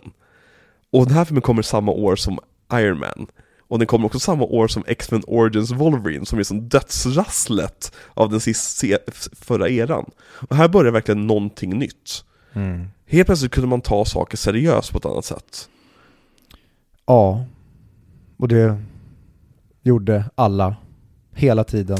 Ja, det, och det är som du, du, Batman Begins var ju väldigt inflytande också, men den här verkligen cementerade den här dark and gritty. Ja, men här, gjorde, här gick, alltså Batman Begins, där var det ändå vi var kvar i en eh, liksom comic book Ja, men precis. film. Det var ändå så här, det, det, det fanns ändå likheter med Spider-Man-filmerna. Mm. Här var det som att, jaha, vi behöver inte ens göra en superhjältefilm. De kan bara kalla sig för det. Ja, men, så- ja, exakt. Eh, Och inte en superhjältefilm, utan vi kan göra sci-fi-film som inte är en sci-fi-film. Vi kan göra eh, magifilm som inte är magifilm. Vi kan göra allting verkligt. Mm. Vilket jag tror var en hel del gråa år där ett tag, där allting skulle vara så jävla verkligt. Och det var ju därför Marvel slog igenom så jävla hårt sen när de väl började få upp takten. Att det var så skönt när Avengers kom 2012, Mm. med någonting som verkligen vågade ta ut svängen och vara lite färgglatt igen. För att den här filmen, den här filmen saboterade ju filmindustrin fyra år framöver egentligen liksom. Jo, kolla, kolla bara på idén med Man of Steel. Ja, men of Steel finns ju inte om inte den här filmen finns. Nej, och den är verkligen det yttersta beviset på att vi tror att vi kan ta vad som helst Ja. och göra det här med. Och sen går det inte. Och på grund av det så har vi no, eh, Snyderverse. Ja, det är det bästa vi har fått. Exakt. På grund av den här filmen så fick vi Jared Leto som Jokern. För att det var helt plötsligt, ja men Casters senaste stora Oscarsvinnaren. Liksom. Mm. Som lite crazy. För att Heath Ledger vann ju en Oscar för bästa manliga biroll. Grattis. Postumt. Mm. Eh, väldigt, väldigt värt. Mot Robert Downey Jr. från Tropic Thunder, vilket, så här, vilket annat år som helst hade han vunnit. Ja, kul var att jag såg första halvtimmen av Tropic Thunder i lördags Ja. utan att tänka på vilket filmår det var. Ja. Och sen igår så såg jag eh, allt förutom de sista 20 minuterna av Benjamin Button. Mm. Och den är också för 2008. Mm. Bra filmår. Det var ett väldigt bra filmår. 2007-2008 var två jävligt bra år. Mm. Mm. Men den fick ju fler nomineringar. Den fick ju Best Art Direction. Den fick Best Cinematography. Eh, nomineringar alltså. Eh, Best Film Editing till Lee Smith. Eh, Best Makeup. Eh, Till Heath Ledger. Eh, Men den vann Best Sound Editing, och det tycker jag är bland det bästa med filmen. Mm. Ljudmixen i den här filmen är fantastisk. Hela väggarna bara dallrar när man drar igång baslådan, jag älskar det. Mm. Eh, Best Sound Mixing och Best Visual Effects blev den också nominerad för. Vilket jag tycker är helt rätt. Jag håller med. Men eh, var är Christopher Nolans eh, reginominering undrar jag? Exakt, den här filmen fick ju inga tunga nomineringar förutom till Heath Ledger. Och det var väl egentligen det som var liksom det som kom, alltså Black Panther var ju den första superhjältefilmen som blev nominerad för bästa film. Eh, Men om Nolan kanske kommer tillbaka till träsket kanske han får det någon gång. Och då får vi hoppas att han aldrig gör det. Nej, verkligen. Jag vill inte att Nolan ska... Eller vem vet, efter Oppenheimer kanske vi bara Snälla gör något kul! Det här var skittråkigt. Vem Mm. vet? Eh, Men jag tycker så- också en intressant sak med legacy av den här filmen är alla citat, alla quotes från den här filmen, som blivit legendariska och som typ har blivit en del av popkulturen. Mm. Det finns vissa quotes som är som memes, så att säga, typ I'm a dog chasing cars, I, I wouldn't know what to do if I caught it. Eller Why so serious? Eller It's all a part of a plan. You wanna know how I got these scars? Exakt, precis, när man ser det som en helt sönderriven kille på en bild på Facebook. Mm. Men så finns ju också den här, de här liksom ordentliga, som oh, det där var faktiskt ett riktigt citat som Som nästan faktiskt låter som att man har plockat dem från typ Marcus Aurelius eller någon. Ja men precis, exakt. Men som det här med The night is darkest before the dawn. Mm, and the dawn is coming. Eh, And the dawn is coming, som, som är sagt innan. Men med den här filmen blev det en grej, att säga. Mm. Eller You live long enough to see, to see yourself become the villain. Mm. Och ehm, eh, All it takes is a little push. Om de där sakerna. Ja, eller We burn the forest down. Exakt. Burn London to the ground. Eh, men också hela det här, because he's the hero Gotham deserves, but not the one it needs right now. Som någon slags mellan ett meme och en riktig mening. Ge det 20 år till kan det nog bli en liksom, here's looking at you, liksom, filmcitat. Ja, den är... mm, Och hur den används. Ja. Men det här med, you either live, you either die a hero live long enough to see yourself become the villain. Mm. är, kan vara typ det bästa filmcitatet senaste 20 åren. Mm. Ja, Det är Ja, legendariskt. det känns stulet. det känns stulet. Frågan är, det måste ju vara stulet. Eller är de bara så, nej de är bara så bra. För jag läste en an- anekdot om- en Jonathan Nolan kom på det. Så det är de som skrivit det. Mm, och de, det är så mycket sånt i deras manusförfattande, lines som Nej men så här, det här, så här kan du inte skriva, det är jättelökigt. Och så levereras det. Ja. Det är briljant. Exakt. Så går det när man fyller sin film med Oscarsvinnande skådespelare. Mm. Ja men det är ju så man ska skriva sitt manus då. Mm. Och så får man en jävla pissig Kalle Flygare skådis som levererar och så dog karriären där. Snacka skit om Maggie Gyllenhaal. Hon gick ju Kalle Flygare. Mm. Viktor, innan vi avslutar det här så har jag ett litet quiz till dig. Du menar min eh, grillspett? Ja, precis. Det här, eh, hur mycket åldersnoja får Viktor? The Dark Knight är då 15 år gammal i år. Mm. Det vill säga att nästa år har du levt med Dark Knight halva ditt liv. Mm. Eh, det är lika långt avstånd mellan oss och Dark Knight som det är mellan Dark Knight och releasen av och jag kommer säga, att, eh, jag kommer säga fem filmer till dig här. Ge mig en skala på 1 till 5 hur mycket åldersnoja du får när du tänker på att det är lika lång tid mellan oss idag och Dark Knight som det är mellan Dark Knight och Demolition Man. Oj, Demolition Man har för dålig relation till mig. I mitt huvud då är ju den jättegammal. Mm. Hur- Så hur mycket åldersnoja får du av det?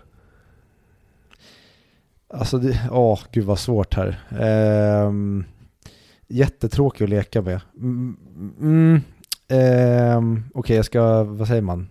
Jag ska simulera någon åldersnoja här då.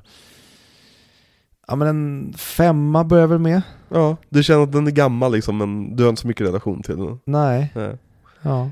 Dark Knight är, det är lika långt mellan oss och Dark Knight som det är mellan Dark Knight och Rädda Willy. Oh. Ja, det, där känns det som, Den, den stack lite. För Rädda Willy, det var en film som redan var gammal när vi började se den som barn känns det som. ja men precis, jo, ja men sen sjua då. Ja, okej. Det är lika långt avstånd mellan oss och Dark Knight som mellan Dark Knight och Falling Down.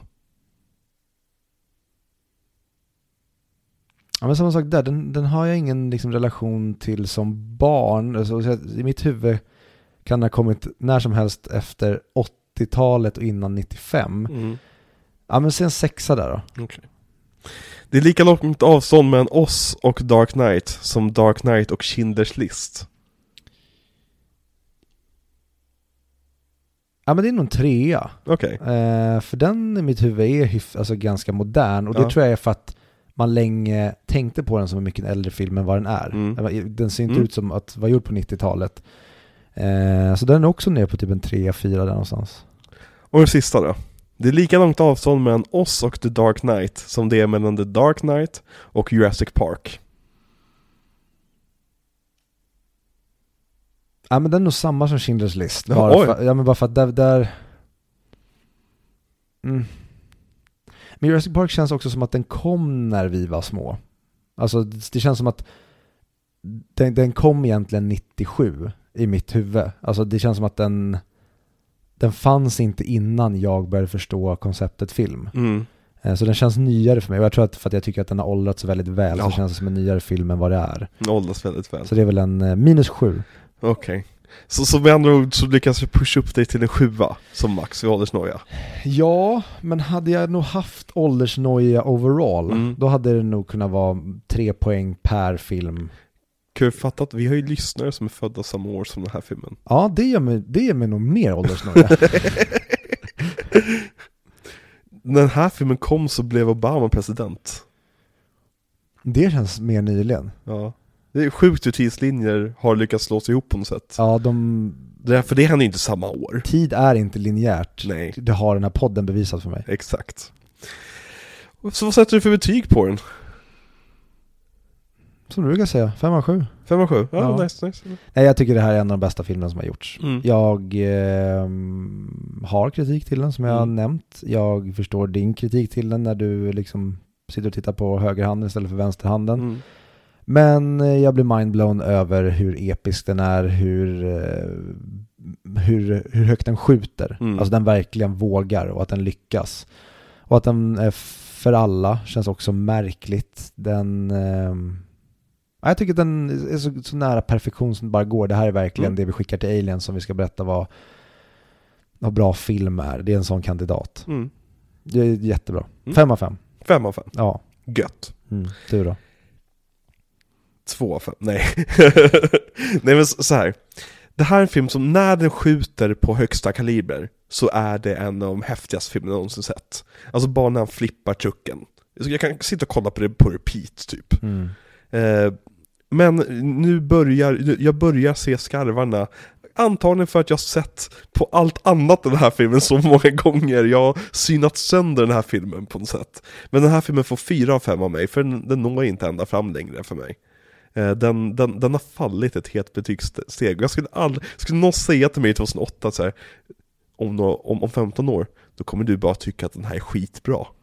då skulle jag inte tro på det. Men jag tycker bara faktiskt att den här är skitbra.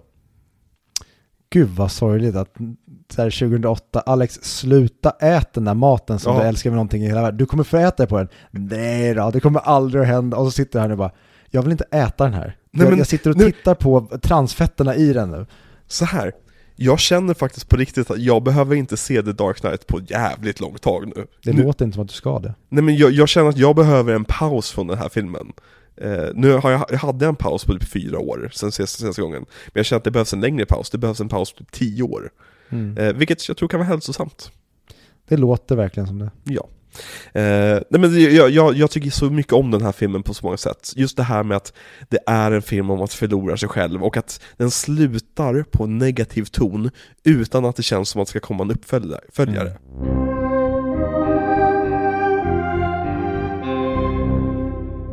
Fan vad skönt att Loeb dör. Just det, du tycker inte om Loeb Ja men vad fan, han är ju en ännu större, här i den här, då är han ju en hora rakt ut. Mm. När han säger att eh, jag har hittat ett sätt hur man eh, typ eh, take the steam off som commissioner. Eh, inte för att du någonsin kommer få uppleva det Gordon. Mm. Och sen dör han. Fan rätt åt dig, karma din otrevliga jävel. Mm. Ramirez. Och hela den biten, jag önskar att det var mer av Ramirez. Mm. Jag, jag, jag tycker så mycket om den här alltså delen, hela filmen rakt igenom att Ja. ingen kan lita på någon. Och att, de fick mig tidigt på med min mammas sjukhusräkning, Mm. det bara Shut up! mm, ja, det är så jävla bra. Och jag tycker så mycket om eh, Gordons, eller Gordons, ehm, Dents eh, mynt. Mm. Det är så bra att det, det lä- läggs in så tidigt. Mm. Eh, och någonting som inte jag upplever eller har tänkt på men som man har läst liksom in i absurdum, att Mm. courtroom-scenen i början, Mm. att alla satt och förväntade sig åh nu kommer han få syra i ansiktet. Mm. Och så Nolan, nope. Ja, vi har i alla fall inte Batman som sitter i full mundering och är redo att hoppa fram.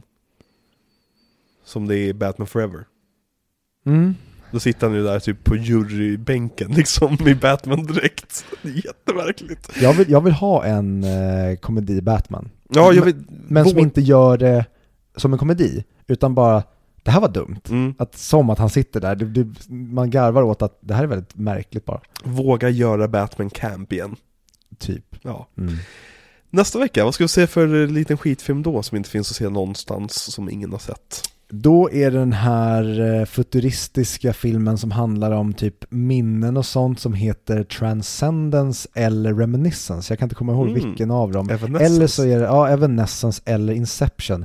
Allt det där är detsamma för mig. Inception, betyder inte det dröm i en dröm? Uh, Jag tycker att det är det det betyder numera. alltså shit, jag, det blev, jag blev typ Inception av det där. Alltså, det är typ största mindfuck-filmen någonsin. Förlåt, nu, nu känner jag, nu, nu är vi elaka igen. Det Verkligen. Om ni älskar Inception, fan vad kul för er, det är ju jag med. Nej, men det var vi pratar det om vi det sa. nästa vecka. Vi, vi hånade folk som gick runt och sa att de började använda begreppet. Ja, De, de, de, de sa Inception, som att det betyder mindfuck. ja typ. precis, som Ja. att det var någonting annat än vad det var. Inception betyder bara start. Det, det är bokstavligen det det betyder. Ja, eller i filmen plante, att han planterar någonting. Det kommer vi komma in på när vi pratar om Inception Vi, nästa vi får vecka. väl se. Kanske. Jag har åsikter om Inception. Det är svårt att tro. Ja, jag har ju så sällan åsikter om saker och ting. Men vart finns Inception att se?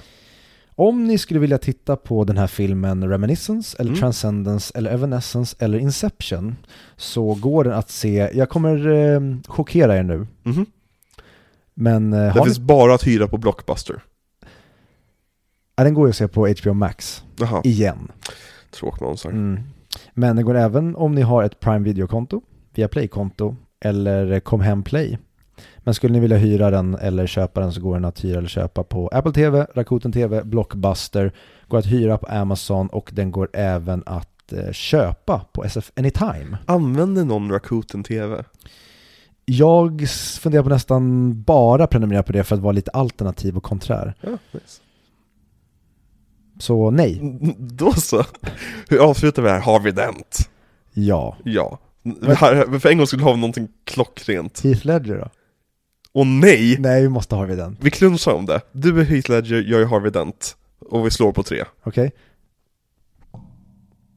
Harvey Dent. Eller Har- vem, vem var vem? Du är Heath Ledger, jag är Harvey Dent. Men jag vill ju vara Harvey Dent. Ja men synd, du Heath Ledger vann! Så vi kör Heath Ledger. Okej?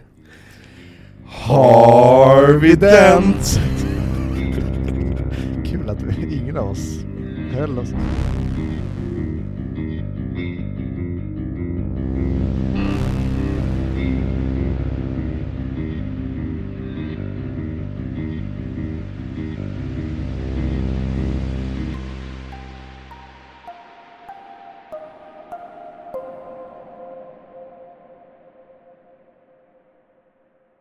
Det blir nästan som ett litet paraply.